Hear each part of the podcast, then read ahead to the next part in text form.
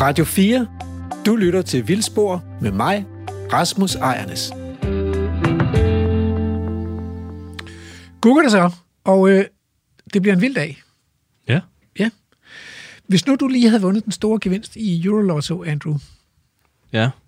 en milliard, et eller andet, hvad vil du så gøre? Åh, oh, okay. Øhm, jeg tror, jeg vil købe et hus. Køb Og så skulle der være i kælderen, så skulle der være, så skulle jeg indrette et lydstudie. Right. Og så vil jeg nok også rejse øh, til Australien og besøge min familie. Så mig, mig og mig. Ja. Nå, du er, heller ikke, du er heller ikke så gammel, så det er også okay. Og så har man en bucket list og alt det, man skal okay, men hvad vil du så gøre? Altså, lad det være med. et kæmpestort landområde til vild natur. Ja. Og så vil jeg bare øh, befolke det med øh, hele bestiariet. Alt, alle de vilde dyr, der på, på en eller anden måde vil være meningsfuldt. Og det er ikke bare fordi, at så vil du kalde det Rasmus Ejernes bestiariet, så du... Nej. Okay. Okay, det skulle være fælles natur. Det skulle være, alle skulle have adgang. Der skulle være offentlig adgang. Okay. Ja. Jamen, det lyder også fedt. Ja. Hvis jeg vinder millionen, så kan du, eller milliarder, så kan du måske godt få lidt, du kan få nogle af pengene til det der projekt Fedt. der. Ja. Ja. Jamen, det er okay. Så vil jeg godt, så kan vi kalde det Davidson-parken. det synes jeg. Men det er jo faktisk helt vildt, at i min levetid, ikke, der er naturen i Danmark blevet så meget vildere. Mm. Altså, vi har fået øh, vildlevende bæver. Ulvene er genindvandret sig selv, og sammen med guldsjakalen, et vildt dyr også, øh, af en vis størrelse. Ikke? Øh, der er kommet mange rovfugle tilbage, ørne tilbage, og det er almindeligt at se sæler ved kysten, og blåfindetun springer ude i havet, og altså, det, det er sgu blevet et vildere Danmark, og der er vildhesteprojekter alle mulige mm. steder. Nå, men det, det er det, vi skal snakke om i dag. Tænk, hvis man nu havde et naturområde uden andre forpligtelser end vild natur og biodiversitet. Altså, er der et stykke musik, der kan passe til det? Ja, jeg har lidt lidt forskellige steder, og, og nogle gange så kommer, kommer jeg lidt i vildrede, men, men så bliver jeg faktisk jeg bliver inspireret af starten på Reputation, Ja. som jo starter med... Øh, starter nemlig med en, med en ko, kakofoni af, af ko, køer, øh, som bræger. ja. Så vi skal Det høre gør de altså ikke. De murer De murer Ja. ja. undskyld. eller brøler. Brøler, det synes jeg er et bedre udtryk. Ja. Øh, så vi skal høre et stykke musik, der bare hedder For All the Cows. Øh, og så var der bare sådan en sjov lille linje, øh, som, som, som øh, fordi det handler også om penge, det her, ikke? Jo. Og der er en linje i sangen, der hedder It's funny how money allows all to browse and be endowed. Og nu, jeg ved godt, at, at køer er ikke browser, men jeg synes bare, det var lidt sjovt, at det er jo det var Ja. lidt derhen, ikke? Jo.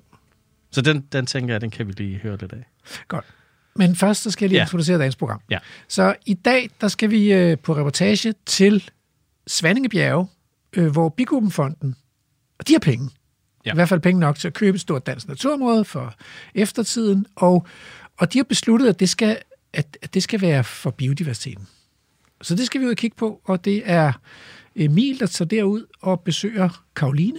Øhm, og så, så får jeg besøg, eller det gør jeg jo ikke, men altså så teamer jeg op mm. med øh, to praktikere, øh, som har konkrete erfaringer med at lave vild natur der, hvor de øh, huserer, og to forskere, som ved noget om vild natur. Jeg vil stille dem det samme spørgsmål. Hvis nu de havde arvet øh, det her store naturområde, hvad vil de så gøre? Mm.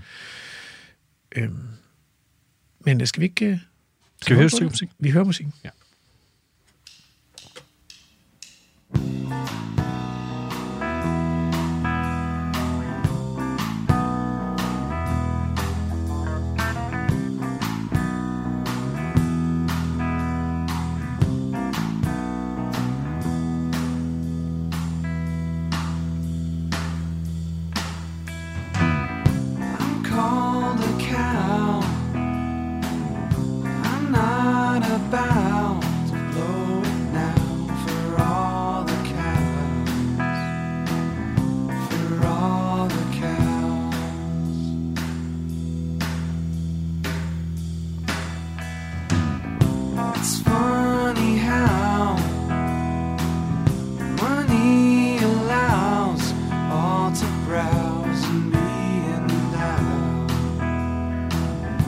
This wish is true.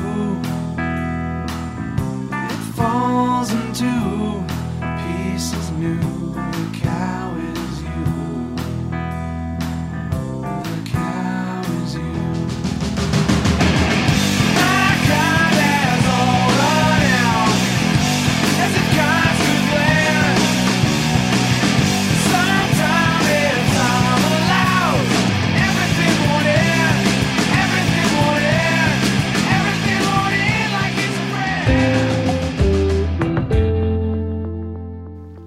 Den første, jeg skal tale med i dag, i dagens program, det er simpelthen en, øh, en gammel kending af programmet. Det er nemlig Peter Størup fra Lindårdalen. Øh, og hvad fanden skal man kalde ham? Naturiværksætter. Vil det være okay, eller?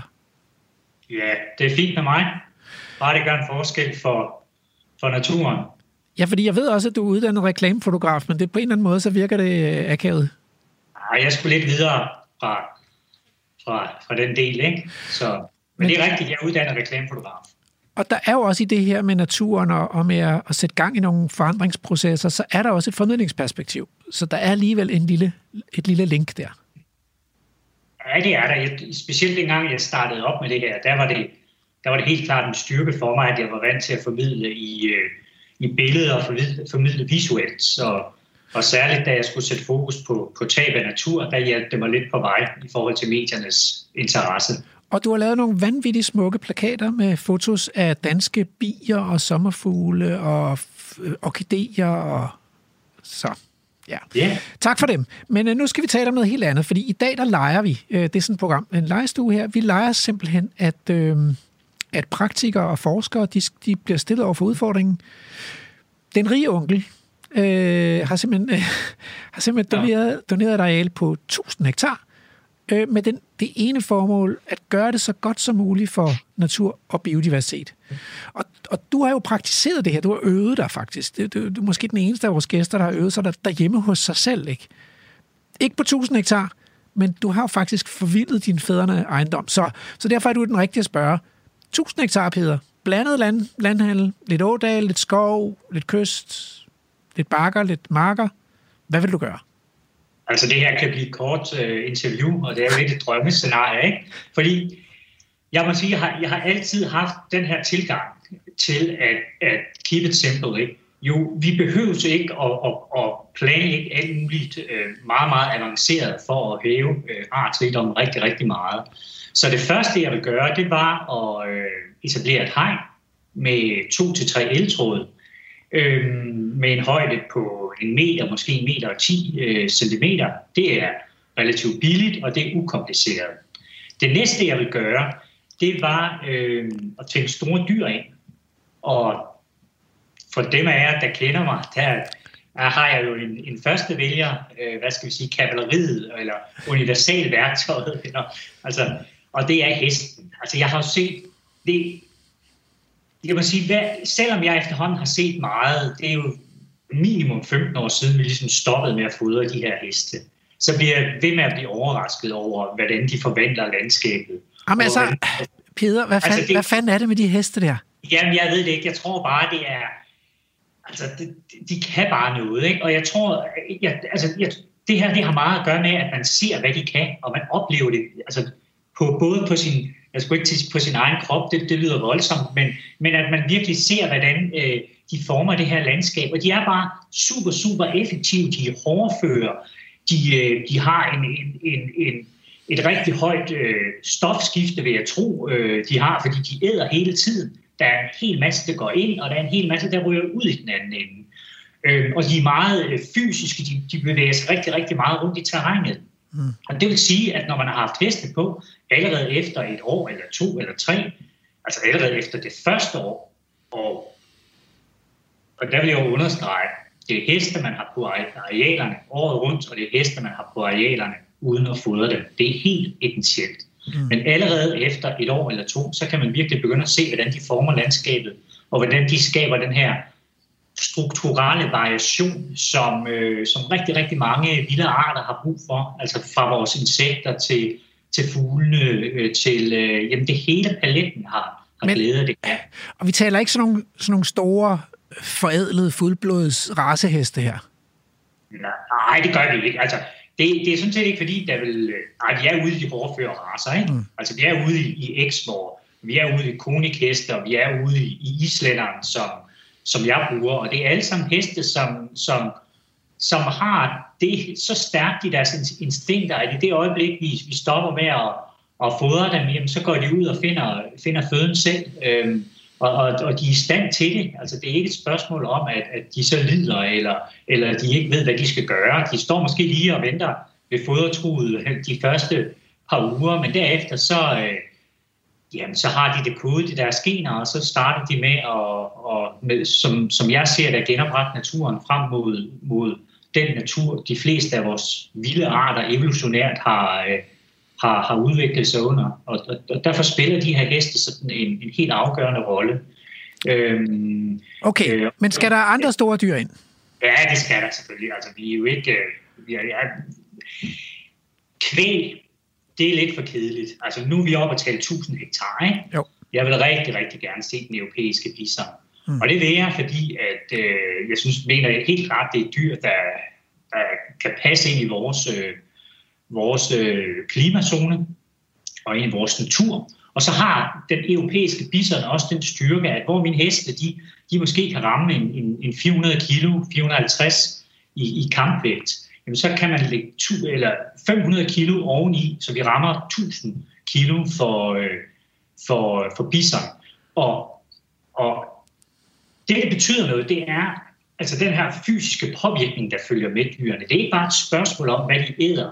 Øh, det betyder selvfølgelig også rigtig, rigtig meget, men også, hvordan de bruger terrænet. Altså jo mere, jo større de er, jo, jo lettere har de ved at knække træer og, og lave ravage, og de laver større vandringsspor, og de laver større støvbandingshuller og sådan nogle ting. Og så er der også den her del, og det gælder både for heste og, og kvæg, og særligt når man har øh, en naturlig flokstruktur, hvor, eller kvæg, bison, undskyld, en naturlig flokstruktur, at der jo også er noget hierarkisk, øh, øh, nogle hierarkiske kampe indbyrdes, der også skaber nogle forstyrrelser. Det slider hul i, i de her tætte monotone måtter af, af græs og, og andet. Øhm, så, øh, så, så hest og europæisk bison. Men, men Peter, øh, når man så har 1000 hektar, så går jeg ud fra, at de der dyr, de, de får lov til ligesom at, at, at parre sig og yngle, og, og så bestanden kan vokse til en naturlig størrelse eller sådan noget, ikke? Ja, ja det, er helt, det er helt indlysende. Det, det, er, det er udgangspunktet, når man har 1000 hektar. Men så på et tidspunkt, det, fordi dyrene ved jo ikke selv, om det bliver en hård vinter, eller om det bliver en mild vinter. Nu har vi jo haft en hård vinter i år, og, og så kan man jo godt komme i den situation med sit naturområde, at, at der faktisk er flere dyr, end, end der er mad på arealet om vinteren, hvis der kommer et langvejt snelæg, eller... Jamen, så er, det, så er det to, der er to løsninger på det. Det er, at, at riflen den, øh, den øh, erstatter rovdyret, og, øh, og der, den anden mulighed, øh, det er selvfølgelig, at man tager dyr ud, ikke? og man flytter dem til andre projekter. Men, som, men det, vil, det vil ofte være, være mere kompliceret. Så, så der vil jeg sige, at jamen, der må man øh, agere rovdyr i, i den situation, og, og når man har skudt et dyr, og så vidt som det er muligt, så bør det også blive derude til gavn for alle de arter, der har, der har brug for, for døde dyr. Altså, der, altså, der er vel den tredje mulighed, at dyret kan, kan, kan dø af svækkelse om vinteren derude. Det er der ja. jo også vilde dyr, der gør. Det har, det har du ret i. Det er, det er det vilde dyr, der gør, men, men vi har en, en, det er 1000 hektar, og vi har en begrænsning i form af hegnet. Og som verden ser ud nu, og også selvom der var en accept af det, så tror jeg ikke, det er en, en, en holdbar model. Jeg tror, man vil få alt for voldsomme bestands øh, udsving. Øh, og øh, ja, altså indtil videre, så synes jeg, lad os komme i gang med de her, øh, få de større dyr tilbage, og, øh, og så må vi tage de der diskussioner øh, øh, undervejs. Øh, Men nu har det jo været en hård vinter. Sig mig, må jeg spørge, har, har du måttet fodre dine heste her i vinter? Altså Jo, for at de kunne jo. klare den? Nej, nej, nej, nej, nej. Overhovedet ikke. De er store trives. Og jeg har det faktisk sådan. Altså, det er næsten som om, at, at, at de trives endnu bedre med det her lidt barske vejr, hvor de skal, hvor de skal arbejde lidt hårdere for føden. Og, og man ser også deres instinkter forandre sig. Altså, hvor de selvfølgelig i den udstrækning, det er muligt, der vælger de nu den, den lettere tilgængelige føde. Øh, og når der er sådan sneen begynder at falde, jamen, så begynder de at spise meget mere aktivt af, af birketræerne og, og, og, og alle de andre ting. Ikke? Og så, så, så, så en vinter som den her, den giver naturens dynamik og dyrenes mulighed for at spille en helt afgørende rolle. Øh, øh, en, en rigtig god mulighed for, for at rykke den her vildere natur i en, i en endnu vildere og, og mere dynamisk øh, retning.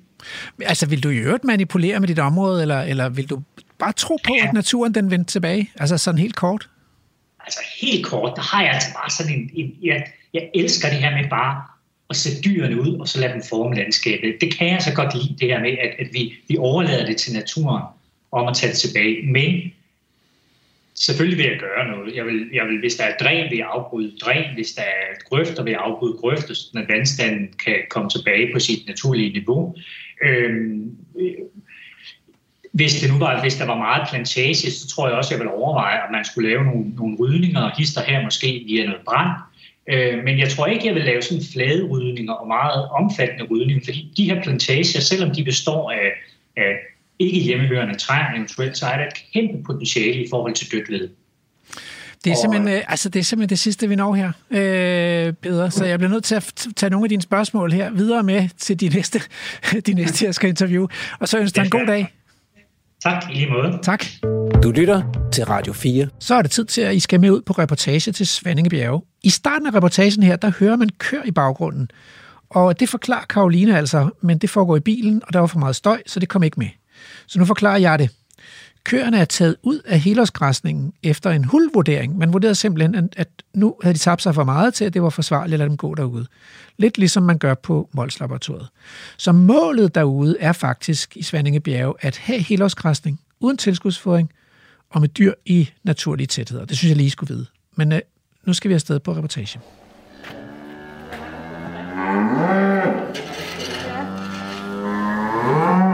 En koncert.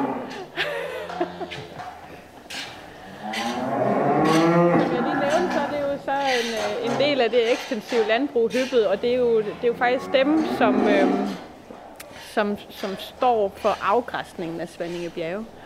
Øhm, og det, at det ligger i umiddelbar nærhed, det giver os så mulighed for at flytte med dyrene. Øhm, ja, jeg vil bare lige vise jer det. At det er en anden del af, af, af, det, at vi har området. Det er så også, at, øh, at vi har den her med drift tilknyttet. Der er i hvert fald gang i, gang i køerne altså, det står. Det kan være for, for Emmas øres skyld, at vi skal øh, tage mikrofonen med udenfor.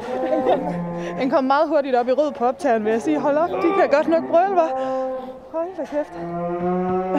Det er mig, der er Emil Skovgaard Brandtoft, og lige nu er du på reportage i Vildsborg på Radio 4. Ja, så går vi op på toppen.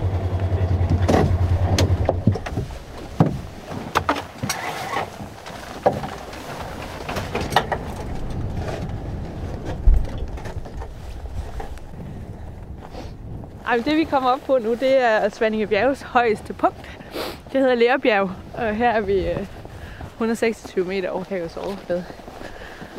Og øh, det er jo Svanninge Bjerg er jo sådan en del af et, af et morænelandskab, der er skabt under sidste istid. Øh, som sådan en grus- og sandudfyldning mellem de smeltende ismasser. Men lille Lærbjerg her, som vi kommer på, det er, det er øh, faktisk bunden af en sø, der lå på overfladen Nå, af, i, af isen. Øh, og her har vi rigtig meget ler, der er ja. navnet. Men det, er jo også, det siger også noget om det, der egentlig gør øh, Svanninge Bjerge særligt, og det er jo den der jordbund, som gør, at vi har sådan sandet jord, og så med sådan nogle lommer af ler, der giver grundlag for en hel masse øh, små våde områder. Ja. Øh, og det er jo noget af det, som, som vi udnytter også i vores øh, arbejde med biodiversitet. Man kan jo se hav på flere sider, når man står her og kigger rundt. Det kan man. Det er, der er udsigt over det sydfynske øhav heroppe fra. Det blæser også lidt. Ja, det, det er friskt i dag. Men øh, det kan være, at vi lige skal hilse ordentligt på dig, Ja. Karoline. Ja. Øh, vi er jo kommet herned ja. til Svanninge Bjerge i dag for at øh, besøge dig. Ja. Og for at besøge Bikubenfondens arealer. Og tale lidt øh, med dig om, hvad er det for noget, det der med sådan en privat fond og natur, og øh, hvad, hvad laver I hernede? Og sådan øh, komme hele vejen rundt om, hvad, med, hvad, hvad Bikubenfonden egentlig har gang i her ja. i, i Svanninge Bjerge. Men det kan være, du lige vil præsentere dig selv for, for lytterne. Jo, men øh, jeg hedder Karoline Marie Vandt Madsen, og øh, jeg er biolog her i Svanninge Bjerg. Og jeg arbejder både med naturforvaltning, og så arbejder jeg også med den indsats, der hedder Natur til et godt liv, som er vores natursociale indsats øh, her. Det kan være, at vi sådan... Øh, nu står vi heroppe og, øh, og kan, kan kigge ud over og kan kigge ud over hele det her, det her landskab. Er det alt sammen Bikubenfondens, det vi kan se? Ikke vandet Ikke vandet. dernede. okay. Ikke det sydfynske øer. Men ja, vi, øh, altså, det vi ser her rundt om, de skovarealer, der er her rundt om, det er, det er Bikubenfondens. Altså vi har øh, samlet set Svandinge Bjerge, og så det ekstensive øh, landbrug Høvet, der er 600 hektar. Og det er jo øh, ret fedt, Ja. synes jeg, at vi har så stort et område. Ja, det- det For man må jo bare sige, det der size matters, ikke også? Altså ja. det ja, vi har gode muligheder, og her er en, øh, en helt utrolig variation i området. Øhm, I og med, at det er skabt under sidste istid, vi har en hel masse forskellige landskabsformationer, og vi har en jordbund, der giver øh, rigtig, et rigtig godt udgangspunkt for en stor biodiversitet. Og det er så også det, som, som vi fokuserer på, kombineret med det natursociale arbejde, og så oplevelser for, hvad skal man sige, her for Danmark i virkeligheden. Ikke? Ja.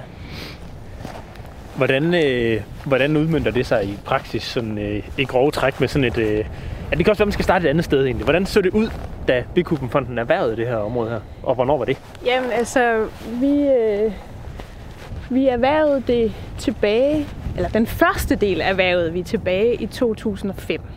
På det tidspunkt, der havde man lavet en, i 2003 lavede man en ny strategi i fonden. På det tidspunkt var fonden en, det, man kalder en ophørende fond, og man ville gerne øh, investere i kollegier og i natur for at kunne, øh, om man så må sige, sætte et aftryk for, for nutidige generationer og de generationer, der skulle komme. Ja. Øhm, og det, der blev lavet, sammen med Naturstyrelsen, lavede man en, en liste på, jeg tror det var 16 naturområder, og så blev på det tidspunkt Stenskov Skov valgt som et godt udgangspunkt for, for det arbejde. Og det, det var jo fint, kan man sige. Men øh, året efter, der kom en, skov, en skovrider, der boede heroppe, der hed Lars Borsson. Og han ejede Knalbjerg Skov på den anden side af det lange stengær, som vi har gående igennem området. Og han var faktisk også interesseret i at sælge.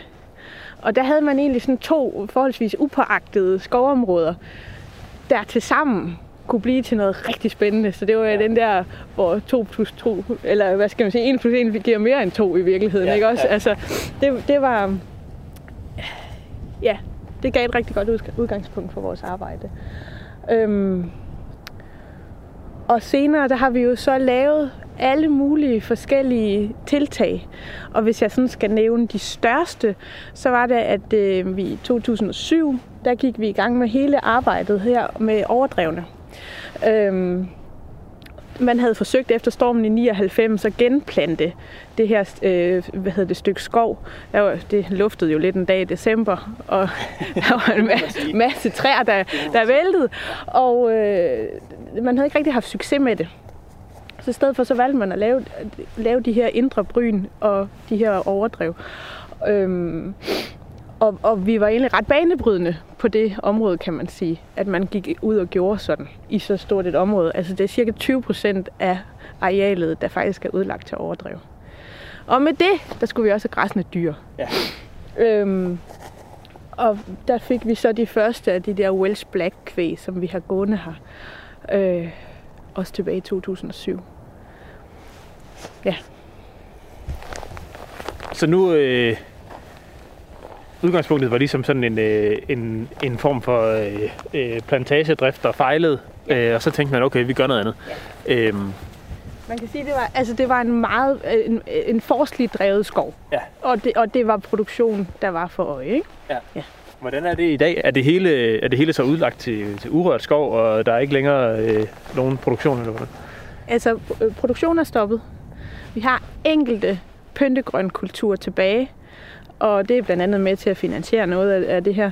Øhm, men ellers så er det, øh, altså det, det, det er udlagt til at skulle udvikle sig naturligt, om man så må sige. Men vi har også været i gang med et meget stort omlægningsarbejde, fordi vi er af den opfattelse, at en skov, der har været dyrket og drevet så hårdt i så mange år, øh, der er det også nødvendigt at ligesom forsøge at kickstarte nogle af de processer. Øh, og, og det har vi gjort på forskellige vis. Jeg vil vise jer noget af det, når vi kommer, kommer rundt. Det glæder jeg mig, det glæder jeg mig i hvert fald til at se. Øhm, Men det kan være, at vi skal tage det undervejs, når vi, når vi kommer rundt, tænker jeg. I hvert fald så... Øh, hvis ikke det var fordi det var så bidende kold en vind, så kunne vi godt øh, stå her og kigge ud over det her smukke landskab. Øh, men øh, jeg har lyst til at komme ned i læ. Lad os gøre det.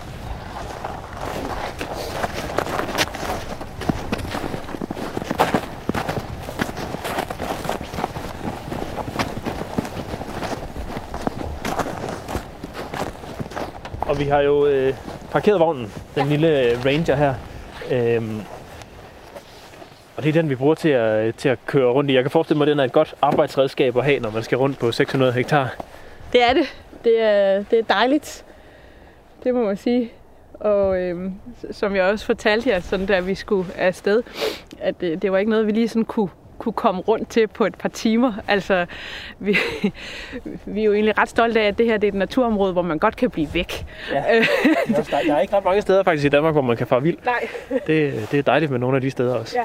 Og det er, det, det, det er der, altså, synes selv, vi skilter godt og så videre, men der er også nogle af vores skovgæster, der bliver væk her.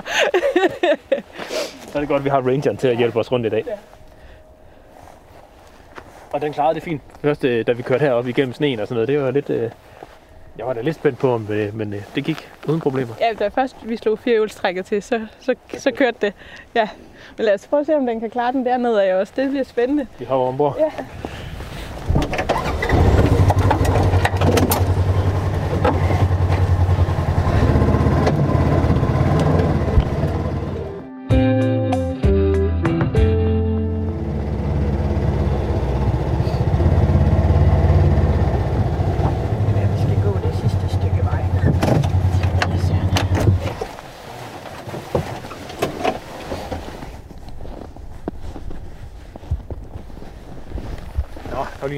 Nu er vi øh, hoppet ud af Rangeren igen. Ja.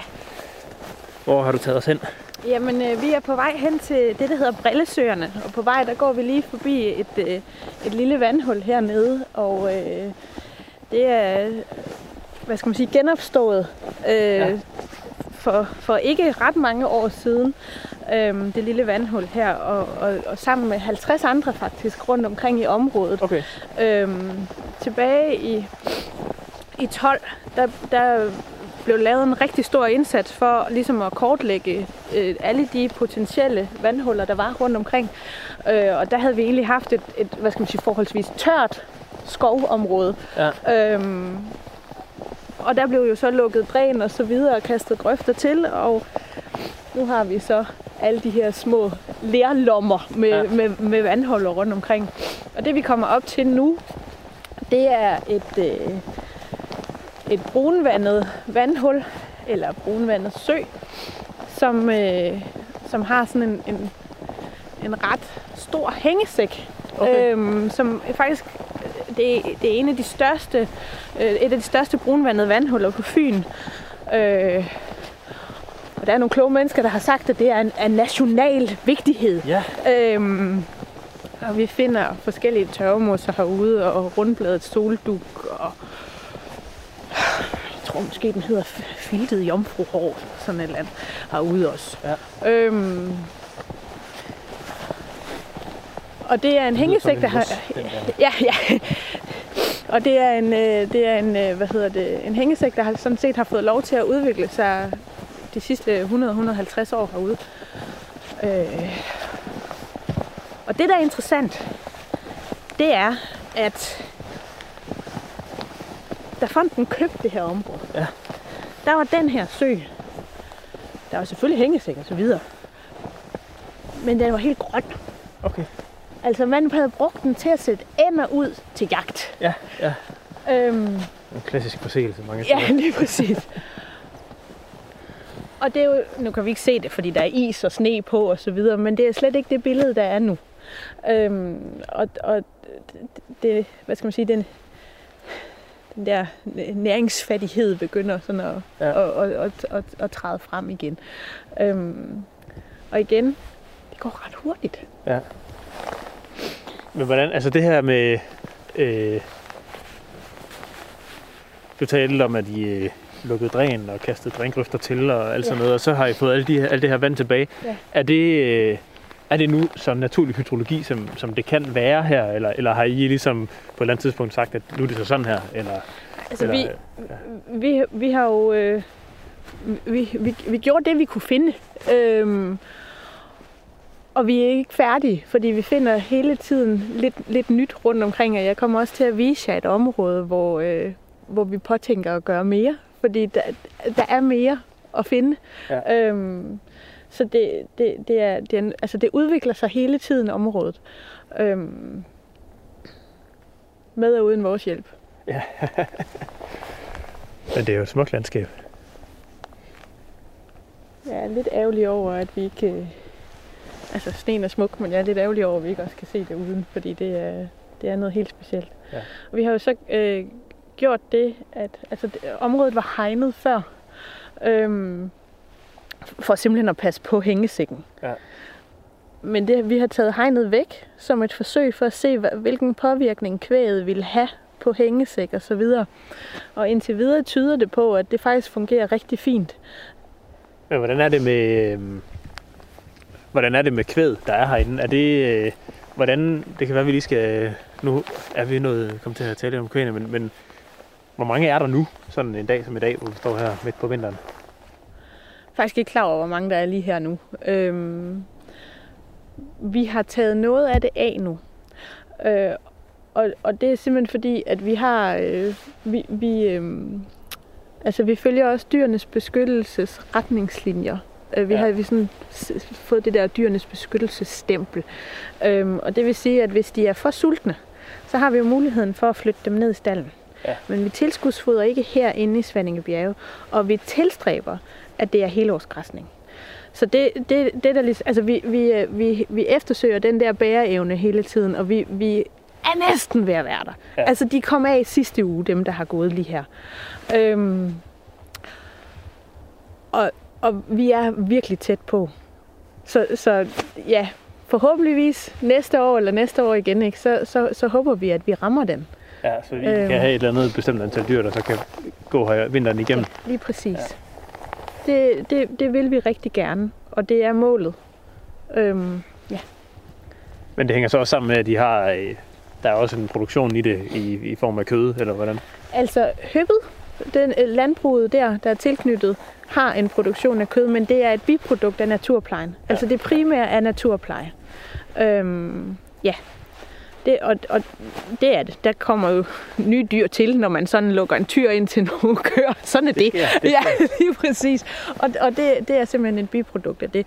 Men det er ikke det, der er det primære formål. Hvad er det primære formål? Det primære formål er at pleje naturen. Det er jo dejligt. Ja. Og det, man kan sige nu, øh, noget, af det, noget af det, vi også har øh, inviteret dig med ud til at snakke om, det er jo også øh, øh, sådan en fond som Bikubenfonden. Når den øh, øh, kaster penge i sådan et, øh, i sådan et naturområde, hvad, hvad er så baggrunden for det? Det virker som, for mig virker det som sådan lidt, øh, ja, måske en lidt utraditionel ting for en, for en fond, som, altså man kan sige, der findes også O.B. Jensens Naturfond, som ligesom er en naturfond, og, det giver måske lidt mere mening øh, for sådan en fond, der kaster ud i, i naturopkøb og sådan noget. Men hvad er baggrunden for, at, at Bikubenfonden også er gået ind i det? Jamen, øh, altså, Bikubenfonden øh, vil jo gerne på det, der i, øh, i, i tre, hvor de fandt ud af, at, at øh, jamen, vi er en ophørende fond, der øh, lavede man den der strategi med, at man så ville investere i natur og i kollegier til, for fremtid, altså for nutiden og fremtiden. Øhm, nu bruger vi den i, i vores filantropiske arbejde, og det vil sige, at vi, øh, vi vil gerne øh, give muligheder for den almindelige dansker, men ikke mindst også i vores, øh, for de unge, der er i vores natursociale indsats, som hedder Natur til et godt liv.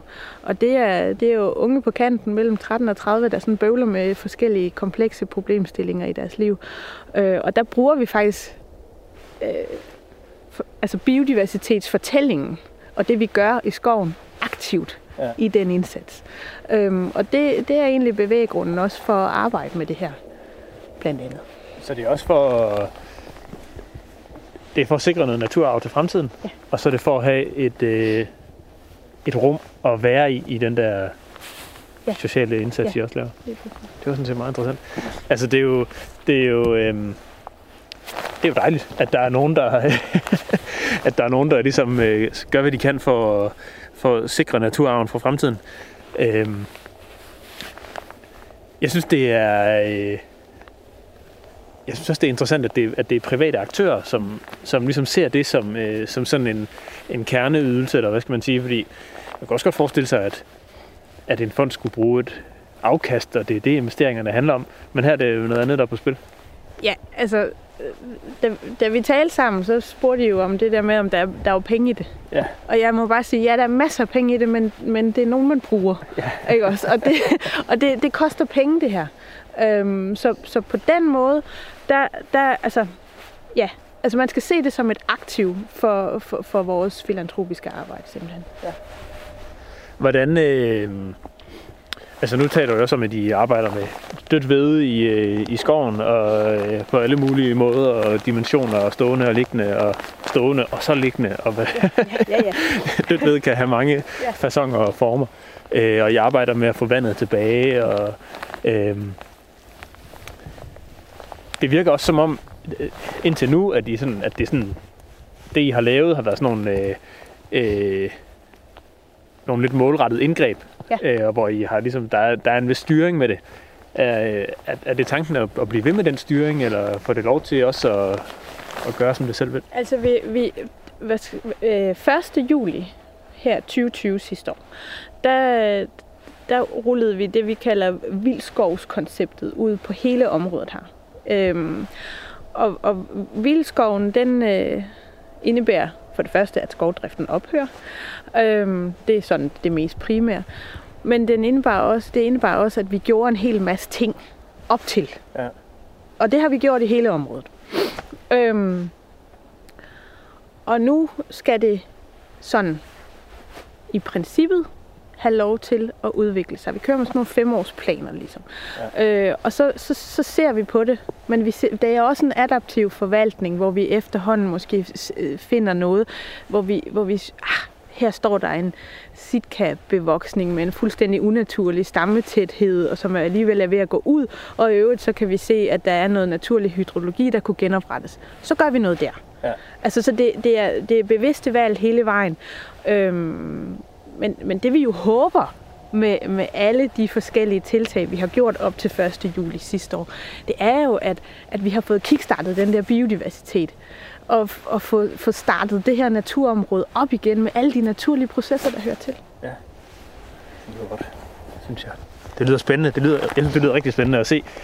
Altså, det er jo også noget, det, det er jo virkelig også noget af det, man taler om i de der udlæg af nye naturnationalparker og alt muligt andet, ikke? Og, og urørt skov og hvad det ellers bliver til, ikke? At, at, at øh, så kan man så tænke, hvor lang en indfasningsperiode skal man egentlig bruge, når man taler om, at man først skal udlægge det i 2065, eller hvad? skal man virkelig bruge 50 år på at gøre det klar? Det er en helt anden snak. Men, øh, men netop som du siger, at, at, at udgangspunktet er en produktionsskov, Ja. og der skal man ligesom lige Ja. genstarte det. Og vi har ikke tid til at vente 50 år. Det skal være nu. Ja, det skal nemlig være nu. Og det er jo ikke, det er ikke, nu ved jeg ikke, hvem du præcis tænker på, når du siger vi, om det er Bikuben-fonden, eller om det er alle arterne. De har i hvert fald er heller ikke nødvendigvis arter, det er- øh, det er det. tid til at Ja. vente. Og man må også bare sige, at altså, naturen er jo dynamisk, og klimaet ændrer sig osv., så, videre, så den, den, altså det naturområde, vi har nu, det vil jo også klart, også artsmæssigt, altså forandre sig i løbet af de næste 100 år. Men det gælder om, at vi får skabt det, det der grundlag for biodiversiteten. Så er vi tilbage i studiet, hvor jeg har teamet op med Christian Graubæk øh, på Langeland, hvor du er arealforvalter for Danmarks Naturfond. Velkommen til. Jo, mange tak, Rasmus. Og øh, altså, du er jo, øh, du er jo den, anden, den anden øh, praktiske gris, kan man sige, øh, altså i programmet her, som, som selv har erfaringer med at gøre et område vildere, og du har jo faktisk tidligere, vi har besøgt dig i Vildspor på Ulfshale på Møn, i, som en del af vores sommertur i 2020, og nu øh, er du skiftet, og det talte vi også om allerede dengang, til øh, Skovskov Gods på Langeland, hvor du er arealforvalter og er i gang med at gøre det sted vildere. Er det ikke rigtigt forstået? Jo, det er, det er helt korrekt. Det er, vi, vi er i gang med at få startet vildgræsning op her på ejendommen. Altid. også. Men nu skal du så forestille dig, at du et helt andet sted, øh, og det er ikke noget sted, et bestemt sted, men der er simpelthen en rig onkel, der ringer og så siger, Christian, for, du må komme og hjælpe mig, fordi øh, jeg har simpelthen øh, jeg har besluttet at investere alle mine milliarder i et øh, vildt naturområde. Jeg har købt 1000 hektar, og nu skal det bare være så vildt som muligt, og, og der skal, det er kun for biodiversitetens skyld. Hvad skal jeg gøre, Christian? vil han så sige. Og, og hvad vil du så sige her til ham, den rige onkel der? Oh, jamen, jeg vil da starte med at takke på naturens vegne. Øhm, og så vil jeg lige gå et skridt tilbage og, øh, og, og lige tænke lidt over, hvordan det er, man kommer frem til det øh, med at gøre det så godt for naturen som muligt. Øhm, og der, der er der jo, det spørgsmål har jeg jo stillet mig selv nogle gange efterhånden, og, og de tre spørgsmål, som jeg ender med at starte med, sjovt nok, øh, det er, øh, at jeg kigger på, hvordan vi gør nu. Og der har jeg jo så kunne konstatere, og, og du har også været med til at kunne konstatere forskellige rapporter, men, men det vi gør nu, det virker ikke. Mm. Øh, og vi er en medvirkende årsag til, at vi har en biodiversitetskrise på den måde, vi forvalter naturarealerne på. Så der, der den første tanke, det er, at vi skal gøre noget andet. Det vi gør nu, virker ikke. Det næste, det er, at, øh, at det med, million, eller hvad hedder det, med evolution og millioner år gamle økosystemer, altså de, de har kunne fungere før os, så må ikke, at de har fundet et eller andet, der øh, hvad man sige, hænger sammen øh, på sin egen naturlige måde. Og øh, det vi gør nu som mennesker, det virker ikke. Det naturen har gjort i millioner år har virket, jamen øh, så vil jeg egentlig gerne gå lidt i den retning der. Og, øh, og så en sidste ting, det er, at, at vi har indrettet vores samfund sådan, at vi ikke kan tåle store dyr i vores byer og på vores veje og ude i landbrugslandet. Øhm, når de tre ting er tænkt igennem, jamen så er det jo det næste, det kommer. Øh, og det er jo, at vi egentlig skal i gang med projektet. Og ja, nemlig. Og hvad vil du så starte med at gøre? Hmm. Jamen altså, der, er jo, der, er jo, der skal jo søges en masse tilladelse, så det er noget med Og at det, lære det, kende. det, det, men- det med tilladelserne der, det springer vi bare over. Bare afsted og ud over stepperne der. Yes. Jamen, øh, så går vi, øh, så tager vi de tre punkter oven, øh, eller som jeg, som jeg nævnte før, og så starter vi baglæns. Hvis ikke vi kan tåle at have store dyr ude på landbrugslandet, jamen så skal vi hegne. Ja. Og det er vi nødt til, fordi det, som vi jo har gjort hidtil, det er jo, at vi har tilladt at have store dyr ude i landbrugslandet, men så har vi jo bare været nødt til at skyde dem ned til hvad, en tiende del af, hvad man kunne tro, der var naturligt. Noget, noget i den retning der. Men så vil, Øh. så vil din onkel sige, men er det ikke skide dyrt at hegne, Christian? Øhm, jamen, jeg har jo siddet og regnet lidt på det, og jeg har også selv nogle projekter ude og sådan noget. Altså, jeg havde tænkt lidt en tanke, at jeg fik de der 1000 hektar der, og så ville jeg øh, sælge en 50 hektarerne til landbrugsjord. Øhm, bare som en, hvad skal man sige, øh, en symbolisk handling, øh, hvis der er nogle naboer, der vil være med. Øh, fordi med frasalg af 50 hektar landbrugsjord, jamen, så kan jeg potentielt hegne lige knap 100 kvadratkilometer. Okay, så det du siger, det er, at det er i virkeligheden, altså det er jorden, der koster, det er ikke, øh, det er ikke hegnet. Det er, det, det er hegnet, det er peanuts. Altså, mm. det er på 100 kroner øh, meteren, og det, er- det altså plus minus, og så svarer det jo lidt til uh, en hektar jord, der kan man få en kilometer hegn. Og, og, og så kan man jo lave regnstykket med at, at se, hvad, hvad, øh, hvad koster det at hegne 1000 hektar, hvad koster det at, at hegne 10.000 hektar. Det bliver bare billigere og billigere og billigere. Ja. Okay, men nu har du hegnet det. Hvad, hvad skal der så ind i det der område, det hegnede naturreservat? Jamen, øh, der skal en masse hjemhørende planteædende nøglearter, øh, at der skal sættes ind der, og, og vi tager ikke rigtig hensyn til, til støtteordninger, der stiller krav om, at det skal være husdyr. Øh, og det er meget rart. Så, så lader vi den gå et øjeblik. Så, så de hjemhørende nøglearter, jamen, jamen, så ender vi jo på, på heste og okser og bison og el, vildsvin og, og det klovbærende vildt. Altså det, det vil man sige, det er den lille pakke, der, der er relativt nem at få fat i. Ja. Sagde du den lille pakke, det, men det er jo mere ambitiøst, end vi ser andre steder, ikke? Altså, Jo, men det er stadigvæk den lille pakke. altså den, hvad, hvad, den store pakke, jeg tør næsten ikke spørge sig. Jamen, det er, så, så dobler vi biomassen på, på dyrene, og de dobler.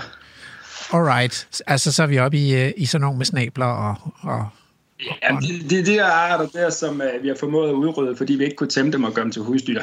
ja, ja. Okay, skal der nogle rovdyr ind i, øh, i øh, Gravbæks naturreservat? Jamen, øh, på 1000 hektar, det er, jo, det er jo et ret lille areal. Ah, Øhm, og om der er plads til, at man vil kunne indhegne nogle rovdyr, altså så de slet ikke kan komme ud igen, og selvom rovdyr, de, de, de stikker jo af fra hegninger for et godt ord øh, rundt omkring på kloden, og sådan noget, så de skulle nok kunne komme frem og tilbage. Men, men, men 1000 hektar, der, er- der er tvivl om, om, øh, om der vil være nok mad. Øh, ja.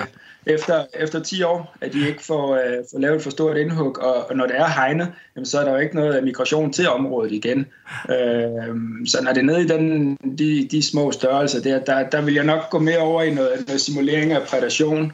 Øh, ikke fordi det er nemmere, fordi der er jo, vi aner jo ikke, hvordan de forskellige øh, typer af prædatorer, altså som los og uld, som vil være meget relevant i den her sammenhæng her. Men jeg aner jo ikke, hvad det er, de, de vælger at, at gå efter, og i hvor store mængder, øh, mm. når det er, at de, at de kommer ind på et areal, hvor der er rigeligt med føde i forhold til ude i, i landbrugslandet. Hvordan kunne man organisere sådan noget simuleret predation der? Jeg, altså, jeg tror faktisk, vi, vi talte lidt om det for et, et par udsendelser siden med David C.P., der foreslog, at jægerne kunne hjælpe. Er, er, det, altså, er det jagt, en, en eller anden form for jagt, du taler om? Mm, jeg vil hellere kalde det regulering, fordi der er, jagten er ikke... Øh, altså, med jagt, så er det jo at, at tage noget med hjem og, og spise. Det er jo ikke det, der er formålet. Mm. Det, øh, formålet er jo at og øh, påvirke populationerne, som, som predatorerne vil have gjort. Så det er jo, hvad det er jo en afskydning af halvdelen af årstilvæksten, eller sådan noget. Jeg, jeg, jeg ved det ikke, eller 20 procent, eller 80 procent. Det er, det er noget af det, man kunne finde ud af. Ja. Øh, men og, og så skal dyrene, de skal jo så blive tilbage på arealerne, så der er noget til ådselsæderne. Og, og øhm, altså, man skal sige, hvis der havde været uld på, eller los, så havde de jo nok spist store dele af det, af, af den el, de havde, havde skudt. Så om øh, jægeren tager filen med hjem, det, det kan jeg ikke se noget forkert i. Øhm, men, men, men jeg tænker, at jægerne de vil være uanmeldeligt velegnet til at løse den opgave, fordi de i forvejen er rutineret ud i at anvende, uh, anvende våben og, og nedlægge dyr. Ja. Alright. Men nu ved jeg jo tilfældigvis, at du er jo også en mand med en motorsav, eller i hvert fald adgang til en og, og evnen til at bruge den. Skal den også øh, indgå i naturgenopretningsprojektet her, eller, eller bliver den der hjemme i skabet? Mm, jamen det, det er sådan lidt, en lidt tricky en, fordi normalt så lader jeg ikke pænhed være, være et issue i forhold eller forbindelse med naturforvaltning. Men jeg synes faktisk, at Motorsav laver et ualmindeligt grimt arbejde, fordi de laver lisen. Øhm, jeg vil meget hellere tage en stor gravmaskine, der knækker træerne. Ah. Og, øh, og ved at gøre det, der kan man jo... Jeg vil sige, det er jo bladene, der skygger, hvis det er, at vi snakker om mere lys i en produktionsskov. Jamen, øh, hvis du så knækker grenen af, jamen, så har du stadigvæk stammen tilbage. Og det kan man gøre med store maskiner. Mm. Og, øh, og på den måde kan man også få lavet noget, der minder om det kaos, der kommer af orkaner, og i lidt mindre skala nogle af, af snabeldyrene. Ja. Okay, så en eller anden form for genopretning af noget mere naturlig struktur i, i de skove, der måtte være i naturreservatet, det hører også med. Er der andre ting, der skal være med i pakken her af, af vildere natur? Jamen det er jo Jamen det er det, hvis det er, at vi har været gode til at tæmme landskabet, så kan der jo være en masse vand i jorden, som der bliver ledt via dræn, og ja. så alt for hurtigt væk. Altså få, få hydrologien tilbage igen. Er vi ude i, noget, noget, i nogle områder med, med meget sand i jorden, jamen så få lavet sandbrud, øh, så det kan komme op og arbejde og, og, og flytte sig rundt i landskabet. Øh, jeg tænker sådan noget som brand, det, det kommer af sig selv, når... Øh, når det er, der begynder at være meget vegetation om sommeren, og så der kommer en, en ordentlig omgang tørk, og så hen i august øh, i stormvejr med, med, med lyn, så skal det nok blive bålet af. Mm. Øhm, og, øh, se, ja. men, men altså, hvis der går ild i det, Christian, så kommer brandvæsenet jo kørende. Hvad vil du så sige til dem? Mm, sige til dem, at, øh, at der er brandbælter rundt om, øh, fordi at, øh, en del af det der også, at jeg har en stor traktor med en 8 meter hav, og, og så laver brandbælter rundt om, øh, for netop at sikre, at, at hvis der kommer ild ind på arealet, jamen, jamen, så kan vi holde det under kontrol, øh, så det ikke går ud til naboerne, og på den måde ikke begynder at påvirke samfundet. Så de kan simpelthen køre hjem igen? Ja, og så de kan stå og nyde det og kigge og, og bruge det til læring, til, hvis de skal ud i nogle, nogle arealer, hvor der er samfundsinteresser, og de skal blive bedre til at slå brænde i produktionsarealer, jamen, jamen så lad dem endelig øh, tage ved læring af, hvordan ilden opfører sig på et naturareal. Mm. Det, det vil, der skal de da bare bydes indenfor, så vi kan sikre samfundets interesser. Okay, Christian, men øh, jeg vil ønske dig held og lykke med Gravbæks Naturreservat, og, øh, og tak dig for alle dine øh, gode råd, og også held og lykke på Skovskov Gods øh, nede på Langland. Fordi vi har ikke mere tid. Nu er der simpelthen øh, optræk til nyheder. Radio 4. Du lytter til Vildspor med mig, Rasmus Ejernes. Det er lige, hvad du gør. Og øh, jeg er jo ikke alene. Heller ikke her i anden time. Øh, hvor vi starter den her øh, omgang Vildspor, fordi øh, med et interview. Den her omgang Vildspor, den handler om, hvis nu, hvis nu du var Joachim Fernand, eller hvis nu øh, du havde vundet i Eurolotto, og ligesom havde købt 1000 hektar dejligt varieret dansk naturlandskab, hvad vil du så gøre? Og, øh, og det har vi forskellige udgaver af. Reportagen i dag går til Svanninge Bjerge, øh, hvor vi besøger Bikubenfondens naturejendom, og den er jo netop købt med henblik på natur og biodiversitet. Og her øh, viser Karoline Marie øh, Emil rundt i bjergene og fortæller om deres mange initiativer. Og så har jeg fundet fire mennesker. I første time talte vi med to praktikere om, hvordan man griber opgaven an med at, at lave øh, landområder om til natur. Og her i anden time, der har jeg tænkt mig at tale med to forskere om det samme. Og øh, derfor vil jeg gerne byde velkommen til lektor Hans Henrik Brun ved Københavns Universitet. Tak. Jeg tror aldrig, du har forvildet mere end et urtebed eller en sommerhushave. Men til gengæld, så ved jeg, at du har forsket i mere end 25 år i Danmarks natur. Og, og de omgivende landes natur. Øhm, så derfor vil jeg nu stille dig spørgsmålet. Hvis nu du havde arvet 1000 hektar varieret dansk øh, kulturlandskab øh, med øh, lidt skov og lidt ådal og måske lidt kyst. Og, og du havde en opgave, øh, og det var og et, og et okay budget til at løse opgaven, og det var at gøre det bedst muligt for natur og biodiversitet. Hvad vil du så gøre? Jeg vil, øh, jeg vil starte med, at altså mit, mit hovedsigte vil være at genoprette øh, så, så intakte øh, økosystemer som muligt, med inklusive de naturlige processer, der hører til sådan nogle økosystemer, og inklusive nøglearter. Og det vil jeg starte med at lægge en plan for ud fra min forskning, og den forskning, jeg kender til, og så vil jeg skynde mig at ansætte nogle praktikere til at udføre planen i praksis, fordi som du selv lagde op til, så er jeg jo ikke praktiker. Og de måtte gerne, øh, de måtte gerne have erfaring med, med forvaltning af store øh, naturområder som, som naturparker eller nationalparker i Sydafrika eller noget lignende. Nogen, som vil være i stand til at omsætte øh, i visionerne til praksis. Dem vil jeg skynde mig at ansætte også. Vi har en kontakt her i Vildsborg, Kenneth Buch fra Sydafrika. Alle tiders mand. Øh, Ph.D. i geparder og alt muligt vildt. Nu var det ikke, fordi jeg ville starte et jobinterview her Nej. med per stedfortræder. Men, men det, ville, det, ville, det var bare for ligesom at runde den af med, med praktikker og, og så videre. Ikke? Men hvis jeg må folde det der med ud med de naturlige processer, så, så, kan man, øh, så kan man kigge på historien for den danske natur. Hvad er det, vi har gjort ved den? Vi har jo forsimplet økosystemerne for at få dem til at yde nogle optimale økosystemtjenester til os mennesker, altså afgrøder, øh, vi kunne æde, eller øh, tømmer, vi kunne bygge huse af og sådan noget. Øh, og det vil jeg jo være nødt til at forsøge at modvirke, hvis jeg vil indstille, genoprette de naturlige, et naturligt intakt og velfungerende økosystem med levesteder for hele udtrækket af, af flora, fauna og funga. Øh, så jeg vil selvfølgelig holde op med at plante og så noget. Jeg vil prøve at modvirke det, der er plantet og sået tidligere af plantagetræer og den slags. Modvirke, Øh, hvad vil du gøre? Ja, det er jo et praktisk spørgsmål. Øh, hvad vil jeg gøre ved en konkret sitka-plantage? Ja. Jeg vil først og fremmest øh, fælde den eller brænde den af, måske bare. Mm. Men igen, der må jeg sige, at øh, der skulle forskes i det her, så man er også nødt til at prøve sig frem. Og jeg har ikke svaret på præcis, hvad der virker i forhold til at modvirke, at der står en sitka-plantage på den og den jordbund med den og den alder osv. Mm. Mm. Men der er der gjort nogle erfaringer rundt omkring. Man har fjernet sitka op i Lille Vildmose. Det vil jeg selvfølgelig skæle til. Så vil jeg øh, modvirke den øh, dræning, der er været. Øh, så jeg vil forsøge at gen, genoprette naturlig hydrologi. Øh, stoppe drængrøfter og drænrør. Øh, genåbne kildevæld. Øh, fjerne kystsikring. Mm-hmm. Øh, så geninstallere sig ligesom de abiotiske faktorer i landskabet. Hvad med vandløb, hvis der nu, du havde sådan en, lad os sige, du har en å, det er jo ikke usandsynligt, hvis man har 1000 hektar, så går der et, et, en å igennem området.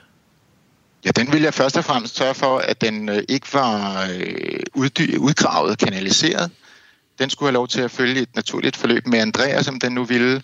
Øh, vand, vandspejlet op i terræn, ikke gravet ud, øh, øh, fordi det var ikke, formålet var ikke at aflede skadeligt vand længere, som det er i vandløbsloven i dag i det danske landskab. Men det skulle være at øh, ja, være et naturligt vandløb med de levesteder, der er forbundet med det, og vand, der oversvømmer åsengen om vinteren og, og kildevæld, der kommer ud øh, forskellige steder. Så vil jeg øh, selvfølgelig også stoppe al høst af altså, skovtræer og biomasse osv., øh, fordi der er jo nogen, der lever af det. Øh, Men vil det ikke være så- klimaskadeligt, Hans Henrik?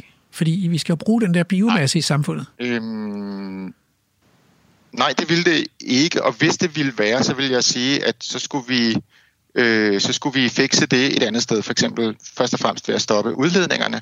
Altså naturen er jo ikke et teknisk anlæg, som hvis eneste formål er at modvirke, øh, altså sikre, at vi kan køre videre i vores biler og flyve videre i vores flyvemaskiner. Mm. Den er også bare vild natur, som har en eksistensberettigelse i sig selv, og, og øvrigt, øh, udfylder nogle andre samfundsgoder end at flyve og køre bil. Det var et sidespor. Jeg beklager. Vi skal videre med projektet. Øh, så, vil jeg, så er der nogle ting, man, øh, som bare kommer af sig selv. Jo, altså naturlig succession kommer af sig selv, når man holder op med at høste og plante og så og så videre.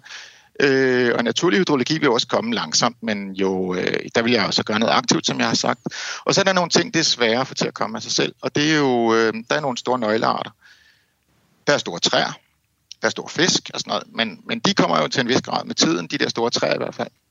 Og så er der store pattedyr, øh, og det er lidt sværere med dem, fordi øh, dem, har, dem har vi jo i høj grad, øh, de, er, de er jo væk. Altså, vi ved jo, at der i sidste mellemistid, som klimatisk og biologisk, altså den, de planter og dyr af insekter og fisk og småknæver og, og fugle og sådan noget, der var, det er jo omtrent det samme, som lever i dag. Men den fauna af store pattedyr er helt forandret.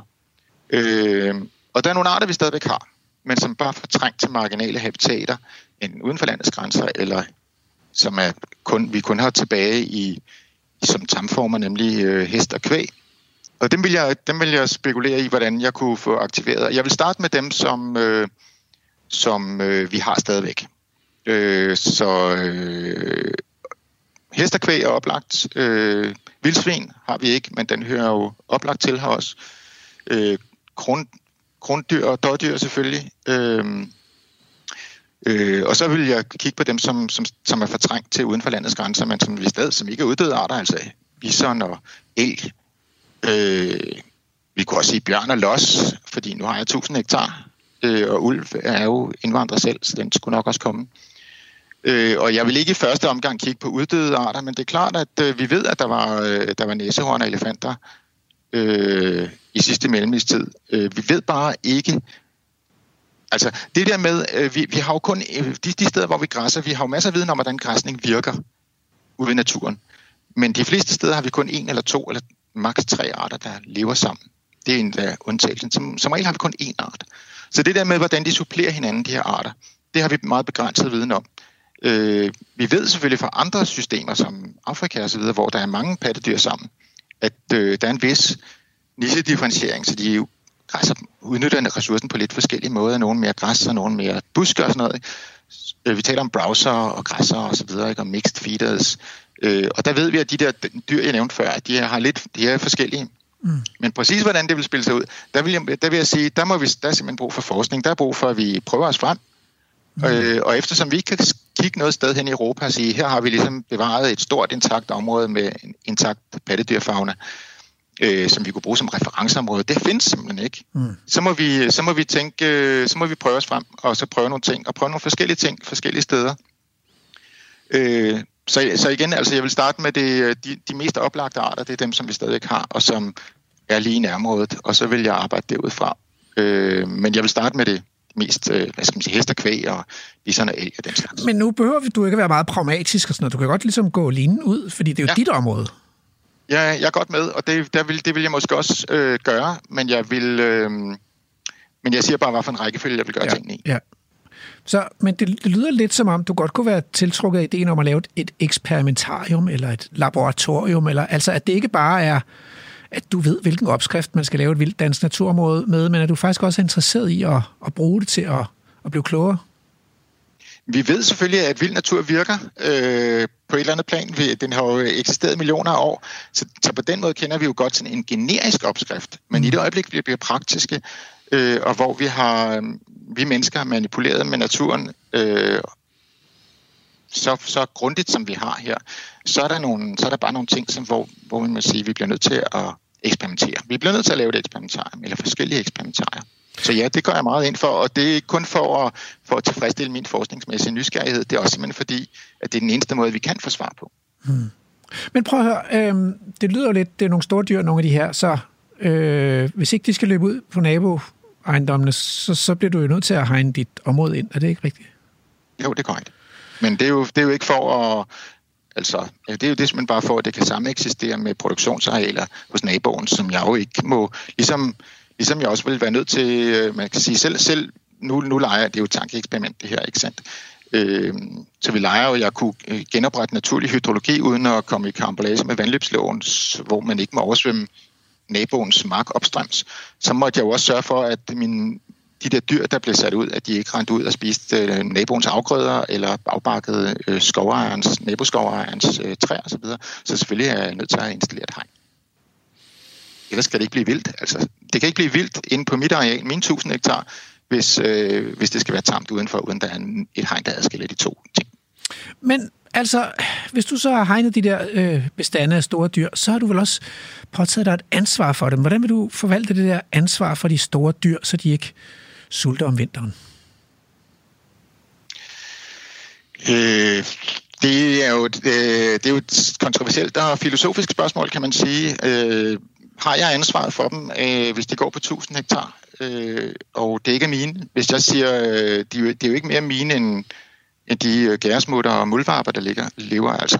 Det, det, er jo, det, er jo, det er jo et valg, man træffer, om man synes, det er ens, eller man siger, jeg har godt nok genoprettet de naturlige processer, men derefter er det ikke mine dyr, det er, der, det er vilde dyr. Mm. Og det er jo, det er jo kan man sige, det, det lyder som hokus pokus måske, øh, men det, har, øh, det, er jo, det er jo et valg, og det ene valg, altså ikke at vælge det, er også et valg. Ja. Ja, altså man kan sige, der er jo ikke ret mange dyr, der, store dyr, der dør i naturen. Man ser jo ikke sådan en død ko ligge på en mark, men det er jo fordi, at der har været en, der er kommet en bil og kørt den på slagteri, så den er jo faktisk død. Altså, den er så bare blevet slagtet. Dyr dør hver dag, og nu har vi lige været igennem en meget hård frostperiode. Altså, hvis, altså jeg tror, at to tredjedel af, jeg ved ikke, hvor mange vel, men altså, der er jo masser af gæresmutter og så videre, som er døde i vinteren. Det er jo helt naturligt, at dyr dør, og de dør, øh, når der er knaphed på føde og, og så videre. Sådan er det jo i naturen, og øh, det, det, er jo ikke, det er jo ikke anderledes. Der er vi sådan lidt... Øh, jeg er, jo, jeg er jo oprindelig botaniker, jeg er også entomolog, og svampe, øh, har også kigget på svampe og så videre, ikke? Så øh, jeg betragter ikke øh, store pattedyr som principielt anderledes på det punkt her. Altså dyr og organismer, de dør. Det er en del af, det er en del af livet, hvad jeg vil sige. Så tror jeg simpelthen, jeg vil sige held og lykke med Bruns Naturreservat. Øh, Jeg håber selvfølgelig, det bliver til virkeligheden i dag, en dag, og, øh, og han får sig god dag. Tak lige måde. får du lige sådan en, øh, en gammel højstup. Det ser jo næsten ud, som om den er savet af. ikke? Den er sådan 3 meter høj eller sådan noget. Gammel, gammel, gammel stamme, der står her stritter op i luften.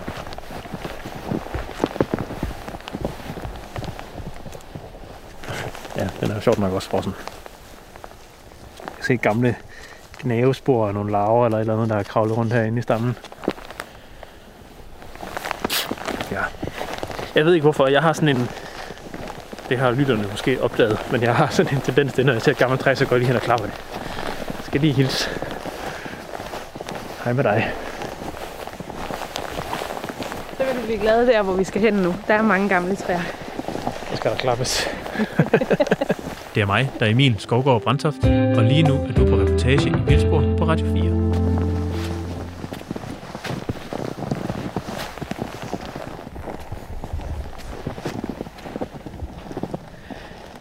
Så, så kom vi hen til Brændelung.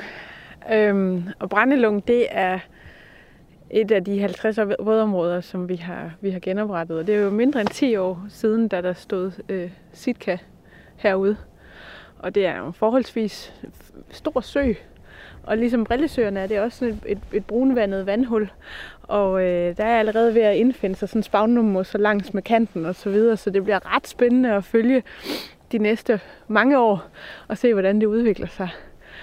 Øhm, og sammen med, med genopretningen af de her øh, 50 vådområder, der har vi også i forbindelse med omlægningen til vildskov, lavet øh, det, vi kalder sådan strukturhugst for, at, i skoven, for at lave sådan mere etageret skov, i stedet for de der ensaldrende og ensartede bevoksninger, så prøver vi på at, at bryde dem op, og også for de der rækker, der står derinde af. Altså få det brudt op, så vi ikke har soldaterne, der står på gelede derinde imellem. Og det har vi, det har vi øh, ja, gjort indtil nu. Øhm, det har været kæmpe omfattende arbejde. Hvem kommer der? Kommer de mus over, eller?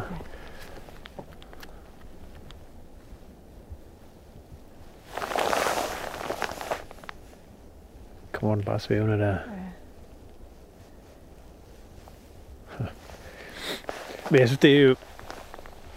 Det er selvfølgelig også et stort område, men jeg synes alligevel, øh, det fortæller en historie om, hvor, hvor meget vand der egentlig har været i vores landskab. Ja. Sådan back in the days. Ja. Øh, når, man, når man sådan med relativt simple midler, lukke en grøft og, øh, og ødelægge et dræn og sådan noget, ikke? så kan man få 50 vandhuller tilbage i noget, som ellers var en mere eller mindre tør skov. Ja. Øh, det, det vidner om, at der har været rigtig meget vand i det landskab tidligere, øh, og, og, og at det mangler derude, synes jeg. Og så bliver det jo spændende at se, om øh, hvis man nu var her om 1000 år, man så har fået sådan en ny, en ny, øh, en ny hængesæk herude, eller, øh, eller højmose. eller noget andet, ja. Man kan alligevel godt se, så over bagved, så står den der pyntegrønt, eller hvad har vi Så derovre? står pyntegrønbeplantningen Ja. ja. stadigvæk. Ikke? Og det er jo det. Altså, og, og, og den har jo også sin tid, kan man sige. Øhm, og det er en lidt, lidt mere langsigtet, øh, et lidt mere langsigtet perspektiv, men det skal også udfases på et tidspunkt. Men det er det jo, øh, altså når man arbejder med, med natur og naturgenopretning og naturlige processer og alt sådan noget, ikke, så er det jo altid med de lange briller på. Altså det er jo ikke noget, hvor man nødvendigvis ser resultaterne i morgen, vel? Og, og vi kan sige, at vi, vi har jo heller ikke et bestemt billede af, hvordan at, altså hvor området her ligesom skal hen. Altså vi, vi, vi lærer, som jeg siger, i, i, i- imens vi, vi kører, ikke? Altså, øhm, og, og ud fra det, vi lærer, der justerer vi. Så det er sådan, altså, ja, det er et åbent projekt, kan man sige, på den måde. Ja. Men, men missionen er at, øh, at højne naturværdien og biodiversiteten. Kan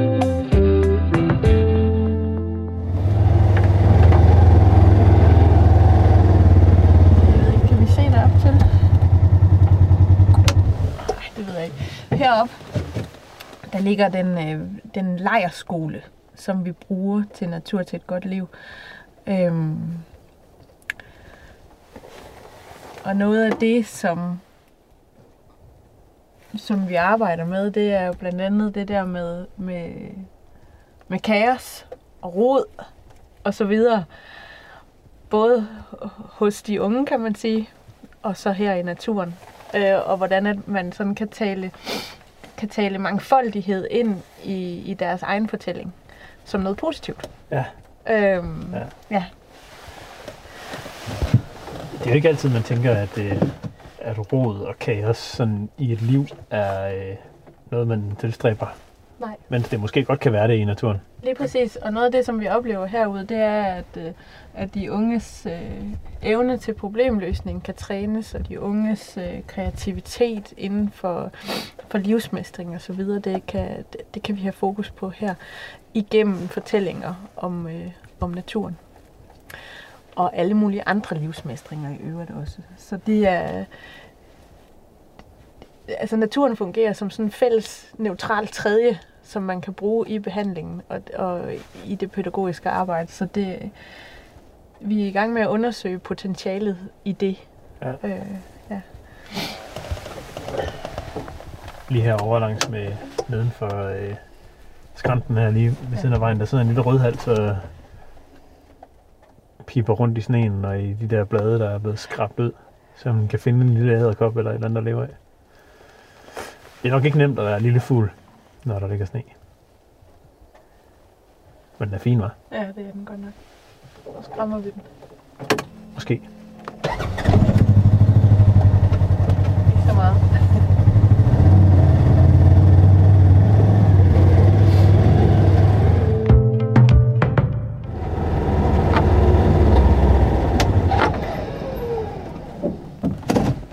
Se, hvis nu, hvis nu der ikke var sne her, så kunne jeg vise jer noget.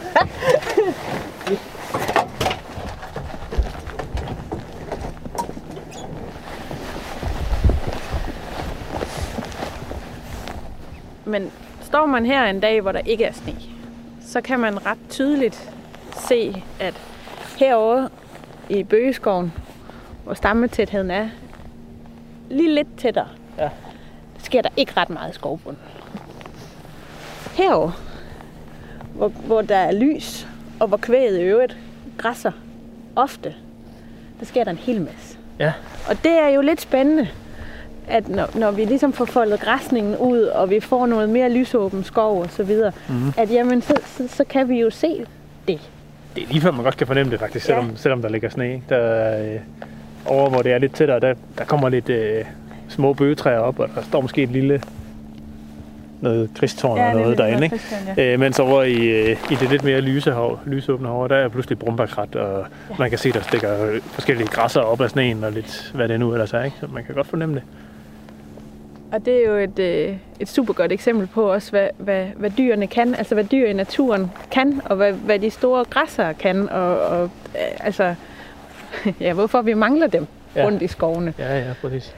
Ja, det er jo nemlig det, fordi tit og ofte så, øh, så er den der fredskovsforordningens opdeling af Præcis. den tætte skov og det åbne land, den hænger rigtig meget fast i, i sådan hele bevidstheden om, hvordan landskabet ser ud, og hvor er dyrene henne. Ja. Ja. Rådyrene, de kan godt være inde i skoven, og de kan også godt være ude på marken. Men køerne, de skal i hvert fald ikke ind i skoven. Nej. Øh, og det er jo også, det er jo, øh, der er også en kæmpe stor formidlingsindsats, eller formidlingsbehov, kan man sige, for, øh, for alle dem, der sådan er vant til det danske landskab, og se, at, at det faktisk i virkeligheden er en rimelig unaturlig konstruktion. Og de der glidende overgange der, og dyrene, der færdes frem og tilbage og sådan noget, det, det, er, det er det, der er mere naturligt i hvert fald. Ja, og, og der ligger, som du siger du det med formidling, jeg synes også, der ligger en stor udfordring i det, at, altså at formidle, øhm, hvordan man i det hele taget færdes i områder med store dyr Ja, øh, og, og store græsser. Øh, og det er jo en anden diskussion, tænker jeg, men, men, men også et vigtigt stykke arbejde, som, som, som vi har i de områder, hvor, hvor der er udsat øh, dyr til, altså med formål til, øh, til genforvilding. Ikke? Så, så jeg synes, altså, det, det er en vigtig snak at have i virkeligheden. Mm. Øhm, og så må man også bare sige, at det tilfører jo en hel masse oplevelsesværdi at, at møde dyrene, når de kommer gående derinde i skoven. Altså det, det er jo sådan helt magisk, når man Ja, ja, møder det, altså vores sorte kvæg der, når de står inde, og så pludselig så kigger der sådan en frem bag en stamme, ikke? Altså det, det, det er da spændende. Det er virkelig spændende. Jamen også, altså, det viser sig tit, at øh, når man sætter dyr ind sådan et sted her, og de skal leve af det, der er, og ingen fodring og sådan noget, ikke? Så mange dyr kan der heller ikke være. Vel? Altså, så det bliver nogle gange sådan lidt en skattejagt faktisk, eller en... Øh, det er jo ikke altid, man møder dyrene, når man er ude og gå en tur sådan et sted, vel? så det bliver også til sådan en lidt, øh, en lidt særlig oplevelse faktisk. Lige Og, præcis. øh, Altså, at møde en ko eller en hest, eller hvad det nu er, der er nemlig. der, hvor man... Altså, det er mere reglen end undtagelsen, at vi ikke møder, møder, møder kvæg. Og, og, øh, og, og det føles netop som sådan en helt ja, glædelig overraskelse, når man pludselig ja. står, så er de der! Altså, jeg, jeg, jeg kom, øh, kom gående på et tidspunkt lidt længere heroppe, øhm, og så en af vores store tyre, han kom lige brasende ud igennem sådan nogle ørnebregner, kigger lige hen på mig. Nå, er du der? Ja. Og så gik han ellers videre ind i det der. Jeg havde ikke set ham vel. Bum! Så stod han der bare. Og det, det, det, det, altså, ja.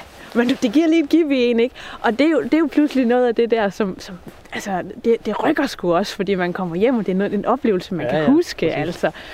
Det er, jo, det er jo fedt. Men også oplevelsen af, at, øh, at han konstaterede bare, om der står du, og så gik han videre. Ja. Altså, han var ikke, øh, det var ikke sådan, som man nogle gange kan opleve det, at øh, man tænker, åh oh, nej, den store farlige tyr, og nu kommer han løbende efter mig, og alt muligt andet. Øh, det, er også, det er også min erfaring med de steder, hvor jeg har oplevet de der dyr, at de konstaterer lige, okay, du er der. Ja. Så har jeg styr på dig. Ja. Så tøffer jeg videre i det, jeg var i gang med. En tilpas afstand, så er det fint. Og så er det jo så også tit sådan, at det er tyrene, som er de mest omgængelige, og ikke køerne. Men er der nogen, øh, øh, er der nogen planer om andre store planteædere her end... Øh, Altså, vi, vi, vi overvejer heste. Ja. Det gør vi. Øhm, ja. Så må vi se, om det bliver sådan noget i dag. Ja. Men altså, det er jo... Det vi står i lige nu er jo ellers bare sådan, det ligner jo mest en, sådan en klassisk højstammet bøgeskov. Ja. Øh, den kunne godt, den kunne godt tåle det lille blæsevejr, så nogle af dem kunne lægge sig ned og sådan noget. Det kunne da være spændende. Altså, jeg, jeg har jo fået en, øh, en, en helt ny glæde ved stormvejr. Ja. Fordi jeg håber næsten, at der vælter noget, ikke? Det er selvfølgelig, det er selvfølgelig øh, et hårdt slag, hvis, øh, hvis man har sin opsparing stående i de her træer. Så, så kan jeg godt forstå, at man synes, det er rigtig, rigtig træls. Men når nu man har taget beslutningen om, at, øh, at det her det er for naturens skyld, og det er for, for at sikre naturværdierne til fremtidige generationer, så er det jo bare sjovt. Lige præcis. Men det, det er... Øh... Det, det, er jo, det er jo for mange en ny måde at tænke på det her, og en, en ny, et nyt natursyn på, på, på sin vis. Ikke? Altså, at, at vi skal at vi skal, vi skal, vi skal glæde os, når, øh, når, når noget vælter, om jeg så må sige. Altså, når, når, når noget er lidt, lidt, lidt anderledes og, og, og væk Ja. fra det velordnede, og at det pludselig er det, det rodede. Og, Ja, ja. Og vildt med viljehaverne Ja, og alt det der. ikke? Det er jo alt sammen sådan Ja. en, en lang og sej kamp i den samme retning.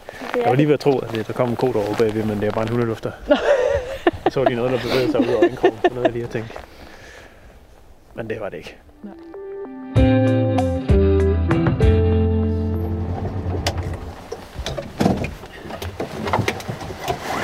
Har jeg parkeret dig helt ud i brumbæren, Emil? Nej, nej, nej, nej, masser af plads.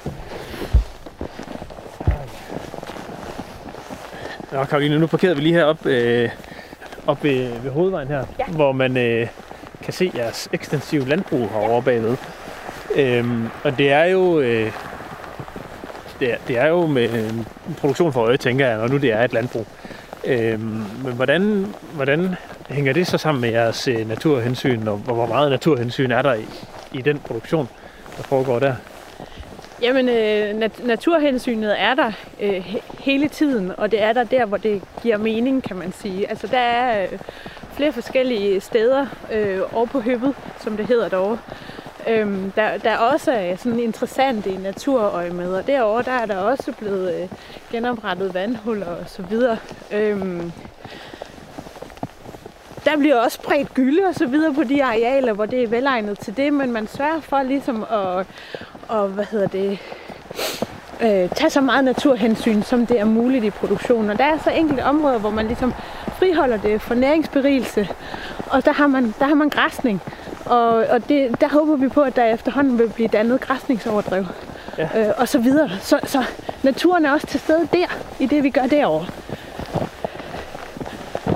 Det lyder som en, som en spændende kombination, det der med at have sådan noget, hvor vi siger, her er det natur, der ligesom er, så kan man, så kan man ligesom have en lidt mere ekstensiv produktion et andet sted, og i det hele taget opdelingen er jo, øh, det er jo, man snakker jo meget, øh, man kan sige, land sparing og land sharing, og det store areal herinde, vildskoven og, og overdrevene, og, og det er jo en land sparing, tænker jeg. Her er det ligesom sat til side, det er natur, og så forsøger man måske på en mere land sharing, øh, implementere naturhensynene i produktionen på den anden side af hovedvejen, eller hvad siger vi over ved det, ved landbruget. Ja.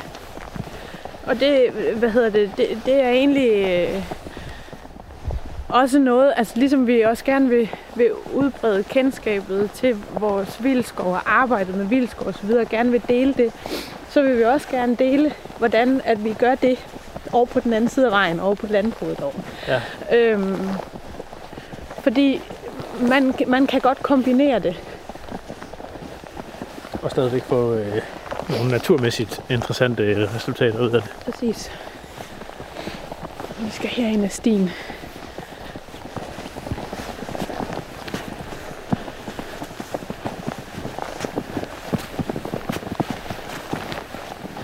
Er igen her, der har vi prøvet at lave et af de der forsøg med, med, med lysbrønde øh, i sådan en, en kulturbevoksning, og det er jo øh, igen et forsøg, og det er spændende at følge, hvad der sker med det. Vi kan jo se, at lige så snart der kom lys til, så begyndte øh, der jo også at komme opvækst af urter og græs og så videre. Og så gik kvæget herind Ja. og begyndte at gøre deres, ikke? Og øh, så kom krokasserne til, og de begyndte at rode i jorden og så videre, så videre. Og øh, alt sammen bidrager jo til, at, at her bliver en øget biodiversitet herinde, ikke?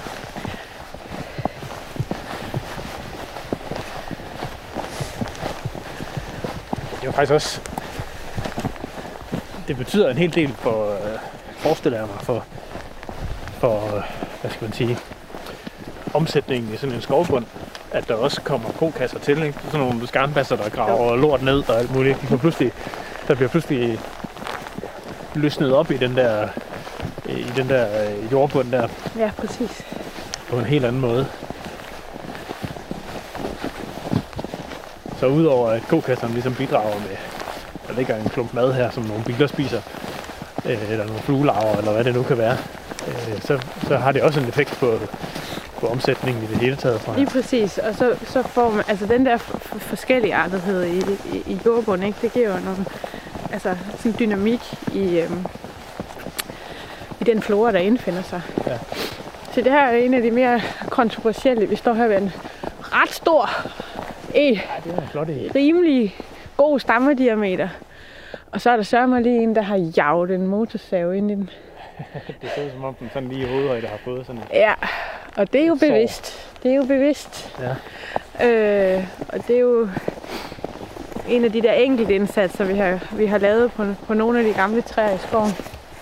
Øh, Det var sådan lige ind, så Men barken er blevet brudt. ja, simpelthen bevidst at, at skade nogle af træerne, så vi kan få en, en hurtigere veteranisering af nogle af dem. Det ser jo voldsomt ud. Vi har også øh, på et tidspunkt brugt noget dynamit, øh, hvor vi ville sprænge, sprænge toppen af nogle bøgetræer. Ja. Og det var et helt ufatteligt stort tilløbsstykke. Der var 400 mennesker at kigge på det, eller øh, noget af den dur. Øhm, og det var delen dyt med godt nok en dyr fuser, altså. så, så altså, vi ville jo, for- vi ville jo forsøge at, efterligne et lyn. Ja. Øhm, det gør vi ikke igen. Det virkede ikke. Nej, Så er det bange i det mindste. det sagde bang. Ja. Det må man sige. Og det var fedt, men, men ja, effekten var knap så fed.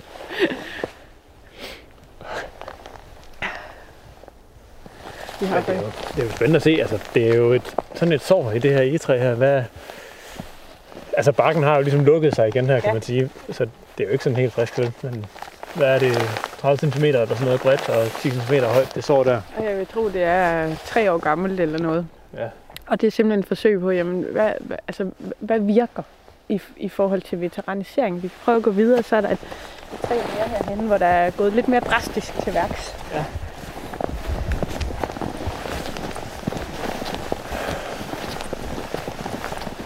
Og det er måske det træ, der står der. Der ser det ud som om, der, det er lidt mere end et enkelt lille snit med en motorsav. Det er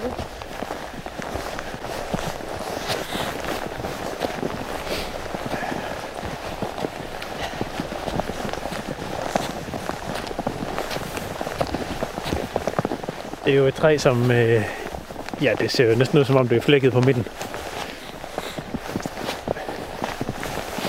Ja, ret langt nede. Ja. Og så er man gået hårdhændet til værks og har skåret, skåret langt ind i stammen. Øhm, og der er jo markant mere råd og, og, og svamp på vej her. Og det er jo ikke noget helt lille træ. Altså, det er da sådan en, halv stor bøg. Der har fået turen her. Det kan man godt forestille sig, at det her det, det går lidt hurtigere med at, med at få det her træ til at, ja, Altså blive til et det, levested. det der, der går ikke lang tid før det vælter. Nej, der er lige sådan en, Øh, der, er, en, en flænge her hele vejen på tværs af der, er stammen. allerede, øh, der har været noget vind og rusk i det nogle gange, tror jeg. Ja. Og, øh, og det vil helt sikkert vælte.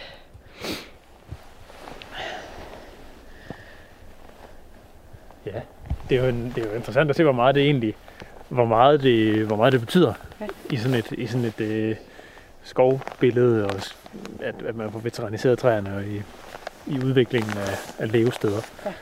i sådan en skov.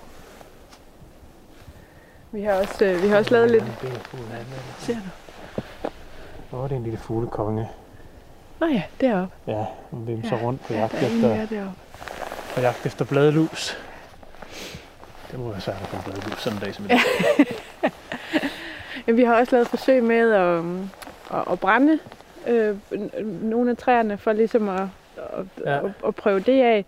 Og, og det viser sig, at det er ret svært faktisk. øhm, Til sådan et, men, et levende træ. ja, men igen, det, det er jo øh, det, det er noget, der skal prøves. Og så øh, holder vi øje med, hvad der sker. Ja, det er i hvert fald spændende. Det er også meget sjovt at se. Altså, hvor længe siden er det det her, øh, den her, det her veteraniseringsforsøg, det blev lavet? Det er nok tre eller fire år siden, vil jeg tro. Der er jo allerede, altså, der, Ja, ja, ja. der vokser jo alle mulige sjove det ting. gør på det nemlig. Ja. Og, og det er igen det, som, altså, som jeg også sagde, da vi, da vi, da vi stod nede ved, øh, ved vandhullerne dernede. Der går ikke så lang tid. Nej. Altså, Jeg står stadig fast. Jeg prøvede lige ja, at ja, skubbe ja. dem. Emil kunne ikke vælte træet.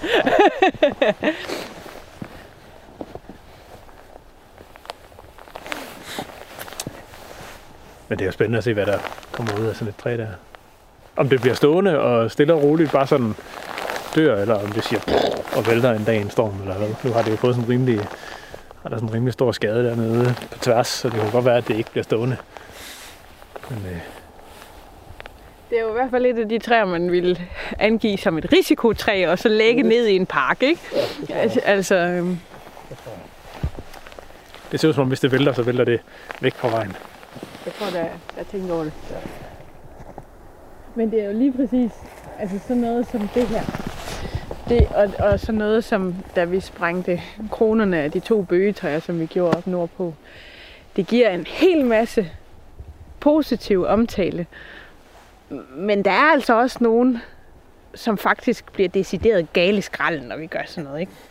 Og, og, og det er igen der, hvor vi har en formidlingsopgave. Fordi hvad er formålet med, at vi går ud og altså, ødelægger noget, ikke? Altså og skaber rod og kaos og, ja. og, og variation i virkeligheden, og, og at det hele ikke er så støvsuget og velordnet. Og, og ja, det er forskellige natursyn, og, og det er en, øh, en, en vigtig formidlingsopgave, synes jeg. Det er det helt sikkert. Og det, jeg, synes, det, er jeg synes, det er tydeligt, når man sådan... Øh, altså, når man deltager i debatten, så kan man godt mærke, at det, er- at det er sådan nogle ting der, der, øh, der får folk op på mærkerne, og det er der, hvor, hvor det clasher, ikke? Når, øh, og, og, hvor der er noget på spil. Det betyder noget for folk, øh, det her. Øh, men der er, også der er også en stor bevægelse i gang mod noget vildere. Og, øh, og jeg tror faktisk også, at det her Øh, du fortalte også tidligere, at i år har der været rigtig mange besøgende her, øh, eller sidste år, i de her altså corona-besøgende, kan man vel kalde dem, i, i naturen. Og det oplever man jo rigtig mange steder. Jeg tror også, som du selv sagde på det tidspunkt, da vi talte om det, at folk har opdaget, hvad det er, man kan få i naturen. Og, og det sjove ved det er, at mange af de steder, de opsøger, det er jo steder, som er sådan lidt vildere end en, en botanisk have, eller et eller andet. Ikke? Øhm, så det tror jeg bare er med til at skubbe på den der bølge af, Ja vildskab. Fordi nu oplever folk det øh, live, om man så må sige, og de øh, får øjnene op for, for det her. Øhm, og det, det kan. det tror jeg er enormt vigtigt. Ja, det tænker jeg. Det er, jo- det er jo også sådan... Øh, det giver jo noget sådan til...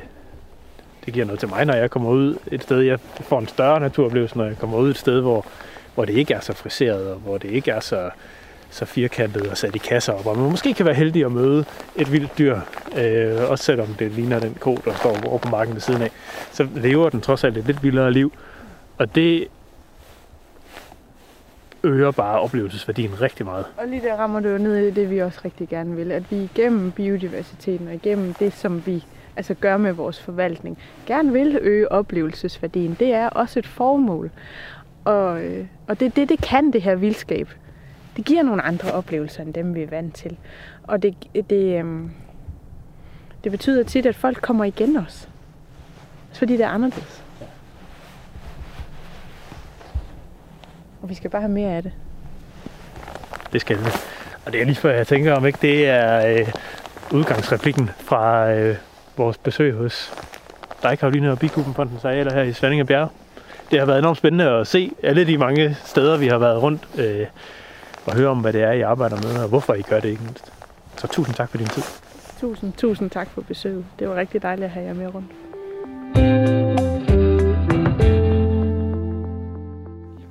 Så, øh, så er det blevet tid, altså vi er tilbage i studiet, og nu er det blevet tid til, at jeg har øh, teamet op med øh, professor Jens Christian Svending på Aarhus Universitet. Og, øh, og grunden til, at jeg har taget dig med her, det er jo, at øh, altså, du er ikke praktisk naturforvalter, så vidt jeg ved. Øh, du har måske en have, du har forvildet lidt eller et eller andet, men til gengæld, så har du lavet øh, det, man kunne kalde grænseløs forskning i vild natur. Altså tilbage i den dybe fortid og ud i verdens fjerne, eksotiske afkrog. Så altså, du har i hvert fald et bredt og dybt perspektiv på det her. Så nu vil jeg stille dig det samme spørgsmål, som jeg tidligere i programmet har stillet to praktikere og en anden forskerkollega, nemlig, hvis nu du havde fået de der 1000 hektar store, varierede naturområde i Danmark, hvordan ville du så, øh, altså, hvordan ville du så gribe opgaven an, hvis det eneste, det handlede om, det var at få noget, at give plads til noget god natur og noget biodiversitet? Jamen, det er jo super spændende opgave. Jeg vil da ønske jer en dag for, for chancen, faktisk. Øhm, for det er rigtigt, at det, det natur, jeg mest selv har hands på, det er min egen have på, på kun 800 kvadratmeter. Så det vil være rigtig sjovt. Øhm, jamen, det, det første sted, det er, at hvis jeg havde mulighed for at påvirke, hvor de her 1000 hektar skulle ligge, så, er det, så er det det allerførste, jeg vil starte med, fordi så vil jeg gerne have, at de 1000 hektar, de kommer til at ligge øh, tæt ved noget værdifuld natur med masser af, af sjældne arter, så de vil have mulighed for at kunne sprede sig ind i, i mit naturareal, fordi rigtig mange arter er spredningsbegrænset i vores landskab. Så det vil være et vigtigt parameter til at starte med. Øhm, Har du sådan et yndlingsområde i Danmark, altså? Eller... Nej, det har, jeg, det, har jeg egentlig, det har jeg egentlig ikke, fordi at der findes sådan nogle områder øh, rundt omkring i landet. Altså selvfølgelig her i mit lokalområde, så er det jo selvfølgelig øh, skovene syd for Aarhus, som er, er topscoren i forhold til, hvor vi har rigtig mange sjældne arter koncentreret. Så det ville være i nabolaget af det.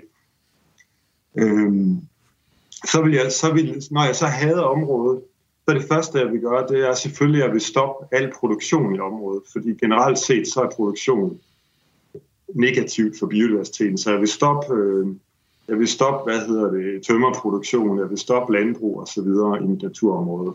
Altså ikke bare lidt, lidt øh, sådan økologisk landbrug eller naturnær skovdrift eller sådan noget?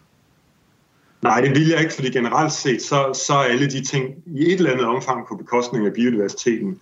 Øh, Så hvis det virkelig er den, der skal prioriteres, så vil jeg ikke lave noget af det. Øhm, Så kan man sige, så går, givet at det er så stort et område, så vil jeg gå ud fra, at meget af det faktisk i forvejen har været i en eller anden form for, for produktion, måske af landbrugsarealer eller sådan noget, øh, og ikke alle sammen starter ud i fin tilstand. Så, så, så et vigtigt tiltag der, det vil være at genoprette det, man kalder geodiversiteten. Det vil sige diversiteten i, i jordbundsforholdene, de andre fysiske forhold.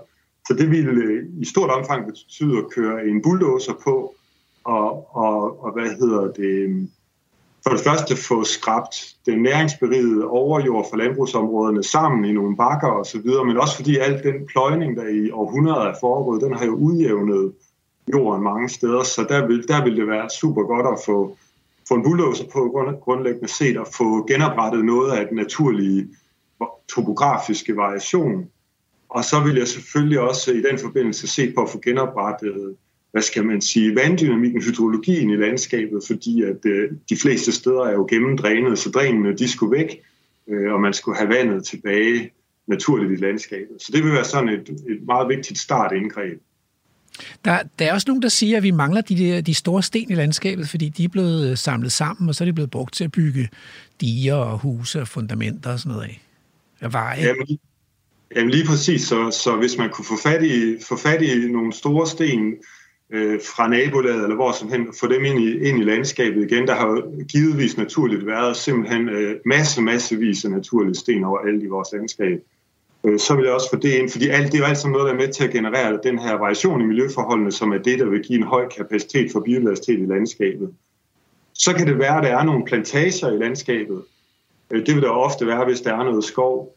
Øh, Dem, især hvis det er sådan nogle unge, kedelige øh, nåletræsplantager, så vil jeg gå hårdt til at få lysnet op i dem, øh, fordi at de vil øh, have sådan en homogeniserende effekt i, i naturområdet i meget, meget lang tid fremover.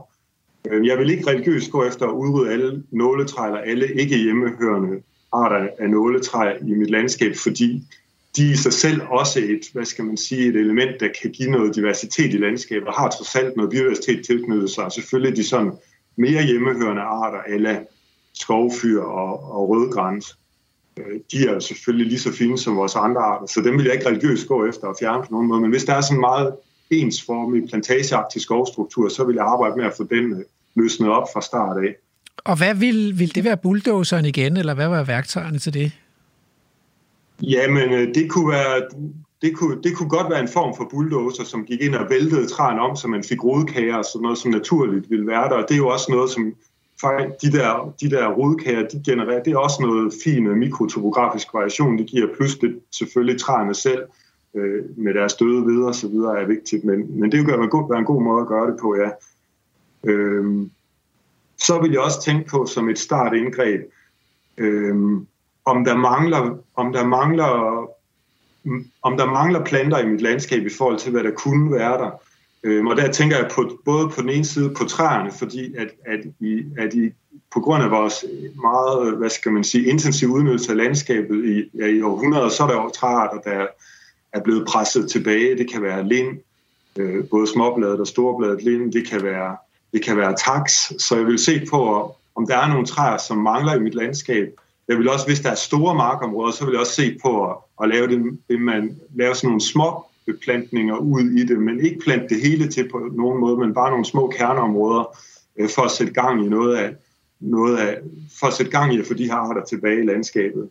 Jeg vil også se på, om der var, om der var, om, om der, om der manglede, hvad hedder det, frøkilder til, til græslandsplanter og skovplanter. Her tænker jeg primært urter i mit landskab, og hvis der gjorde det, så ville jeg, så ville jeg hjælpe dem på vej ved at samle ind, få samlet kilder ind fra, fra naturområder i nabolaget først og fremmest. Øhm, så det er alt sammen noget med, hvad skal man sige, startbetingelserne der. Og så vil jeg selvfølgelig komme til at tænke på de store, vilde planteædere, som vil være meget afgørende for at opretholde øh, en høj øh, diversitet i det her system i det lange løb. Øhm, og der har, jeg, der, der har jeg en længere ønskeseddel i forhold til, til sådan et naturområde. Øhm, og top 3 for mig, det vil være, det vil være europæisk bison øh, og vilde okser, som simpelthen bare er, er vores tamokser, som får lov at leve vildt, og vilde heste. Mm. Øh, fordi det er tre meget vigtige øh, store græsser, som virkelig øh, kan fremme øh, variation i vores, øh, i vores økosystem ved, at, ved at, at bidrage til at skabe en balance mellem i forhold til træerne og de højt voksende urter, så man får, får en heterogen øh, vegetation i landskabet. Og desuden så er de selvfølgelig også, så genererer de også øh, livsmuligheder på andre måder for andre arter via deres øh, gødning. Øh, hvis de får lov på, på den ene eller anden måde at dø på arealerne, er der også kadaver, som vil være vigtige. Og så er de selvfølgelig også selv biodiversitet. Det er jo, nogle, det er jo også selv en, en uvurderlig hvad skal man sige, element i vores biodiversitet, som vi egentlig har mistet fra vores natur. Men, men der var nogen, der ville rynke, rynke på næsen og så sige, jamen altså køer og heste, det er jo sådan nogle landbrugsdyr. Altså vil du virkelig sætte dem ud i et vildt naturområde, og, og hvorfor det? Jamen altså, vi har en blind vinkel på dem, fordi det er, det er jo to vilde arter, som vi har haft i 100.000 vis af år super almindeligt europæisk natur, øh, som, som vi er kommet til at se rent som tamdyr. Men i virkeligheden så er det arter, der er vilde arter, som er stort set uddøde i naturen, og vi burde jo egentlig have et genetableringsprogram for dem i europæisk natur på, lille, på, vilje, på linje med, hvad man har for kæmpe panda og andre sjældne arter rundt omkring i verden. Mm. Så det vil jeg gerne bidrage til i mit naturområde. Okay, men, men din ønskeliste var lang, så vi er ikke færdige med store dyr her. Nej, fordi de, de tre, de, dem tænker jeg, dem vil jeg sådan set anbefale til alle naturområder i Danmark i den størrelse her. Og dem kan man holde styr på med et relativt lille hegn, øh, som ikke vil begrænse nogen som helst andre arter i at bevæge sig rundt i landskabet, uden ind og ud af mit naturområde. Øh, men, men fire andre arter, som også kunne komme i spil i hvert fald, alt efter lige præcis naturområdet og, og så videre, det ville jo være elg og, og vandbøffel og bæver og vildsvin, mm. øh, som også er oplagte arter at tænke på i rigtig mange sammenhæng i Danmark. Så, og så har du ikke nævnt hjortene, og det er fordi, at du forestiller dig et hegn, hvor de der hjorte i princippet kan springe ind og ud af området, eller? Ja, det, det, det gør jeg, og, og det er sådan ud fra, det er ud fra og, og, og det er ud fra den betragtning, så, så har vi jo sådan set hjorte vidt og bredt i det danske landskab, så den behøver ikke gøre det store for i de fleste tilfælde, for at de kommer især ikke her, her i Jylland, hvor jeg bor. Øhm, men det er også ud fra den betragtning, at hvis du ser til rigtig altså intakte øh, naturlige økosystemer rundt omkring i verden, så vil hjorten ofte være, så vil de ofte være meget påvirket af prædation faktisk, og ikke være dem, der er de vigtigste af de store planteder. Det er dem i størrelsesklassen over, som er de allervigtigste.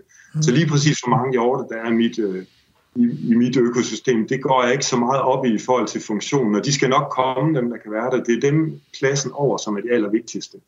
Øh. Men, men nu nævnte du selv prædation. Så altså, vil du sætte nogle rovdyr ind i området, eller tænker du, det er vi alligevel, det er for svært i Danmark? Jamen, jeg tænker, at rovdyr, der, der, er det lidt, der er det for lille et areal. Og de rovdyr, vi skal have i Danmark, de bliver nødt til at kunne være i det generelle landskab, ligesom vi forhåbentlig kan få lov til med ulvene. Øhm, og så, kan de, så skal de kunne komme ind og ud af de her områder, som de vil.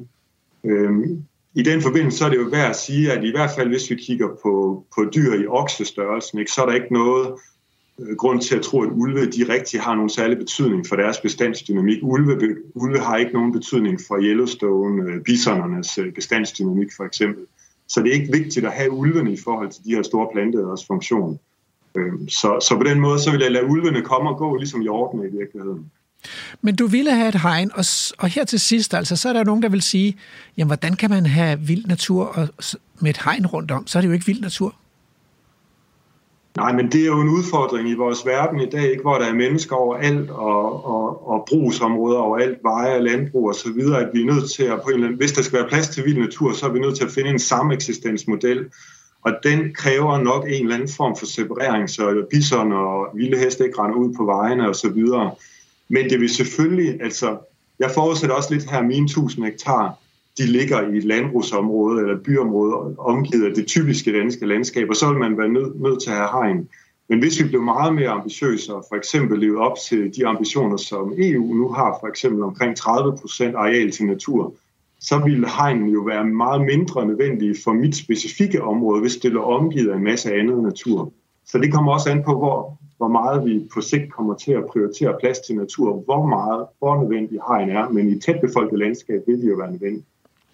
Tak skal du have. Jeg håber, der er nogle milliardærer, der lytter med, og, og, og vi forærer dig et, et område på 1000 hektar. Ha' en god dag. Jamen, de skal bare sige til. Ha' en god dag. Du lytter til Radio 4. Så er det tid til at runde af for dagens vildspor. Øh, vi har været på tur i Svanninge Bjerge med Karoline Marie Vandt Massen på Bikubenfondens arealer. Tak for det. Og tak også til øh, dagens praktikere, nemlig naturiværksætter Peter Størup og arealforvalter Christian Graubæk. Også tak til dagens forskere, lektor Hans Henrik Brun fra Københavns Universitet og professor Jens Christian Svending fra Aarhus Universitet. Og tak som altid til dagens producer, som har bragt os helskindet igennem snestorm med videre, Andrew Davidson og Emma Holtet. Og øh, så er der vist ikke andet tilbage for mig, end at lægge ned her, slutte af, runde af med dagens haiku. Krystalsne knitrer. Søer drysset som perler. Perlende latter.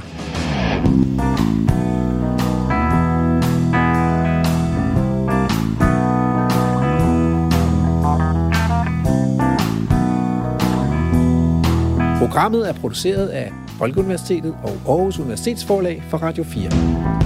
Said you're wrong. painted dawn. Cause the walls to fall. How far is he? Rasmus, er du sikker på, at du ikke godt ville have en, en nationalpark op? Altså, ejernes nationalpark. Så skal der være elefanter og næshorn. Okay.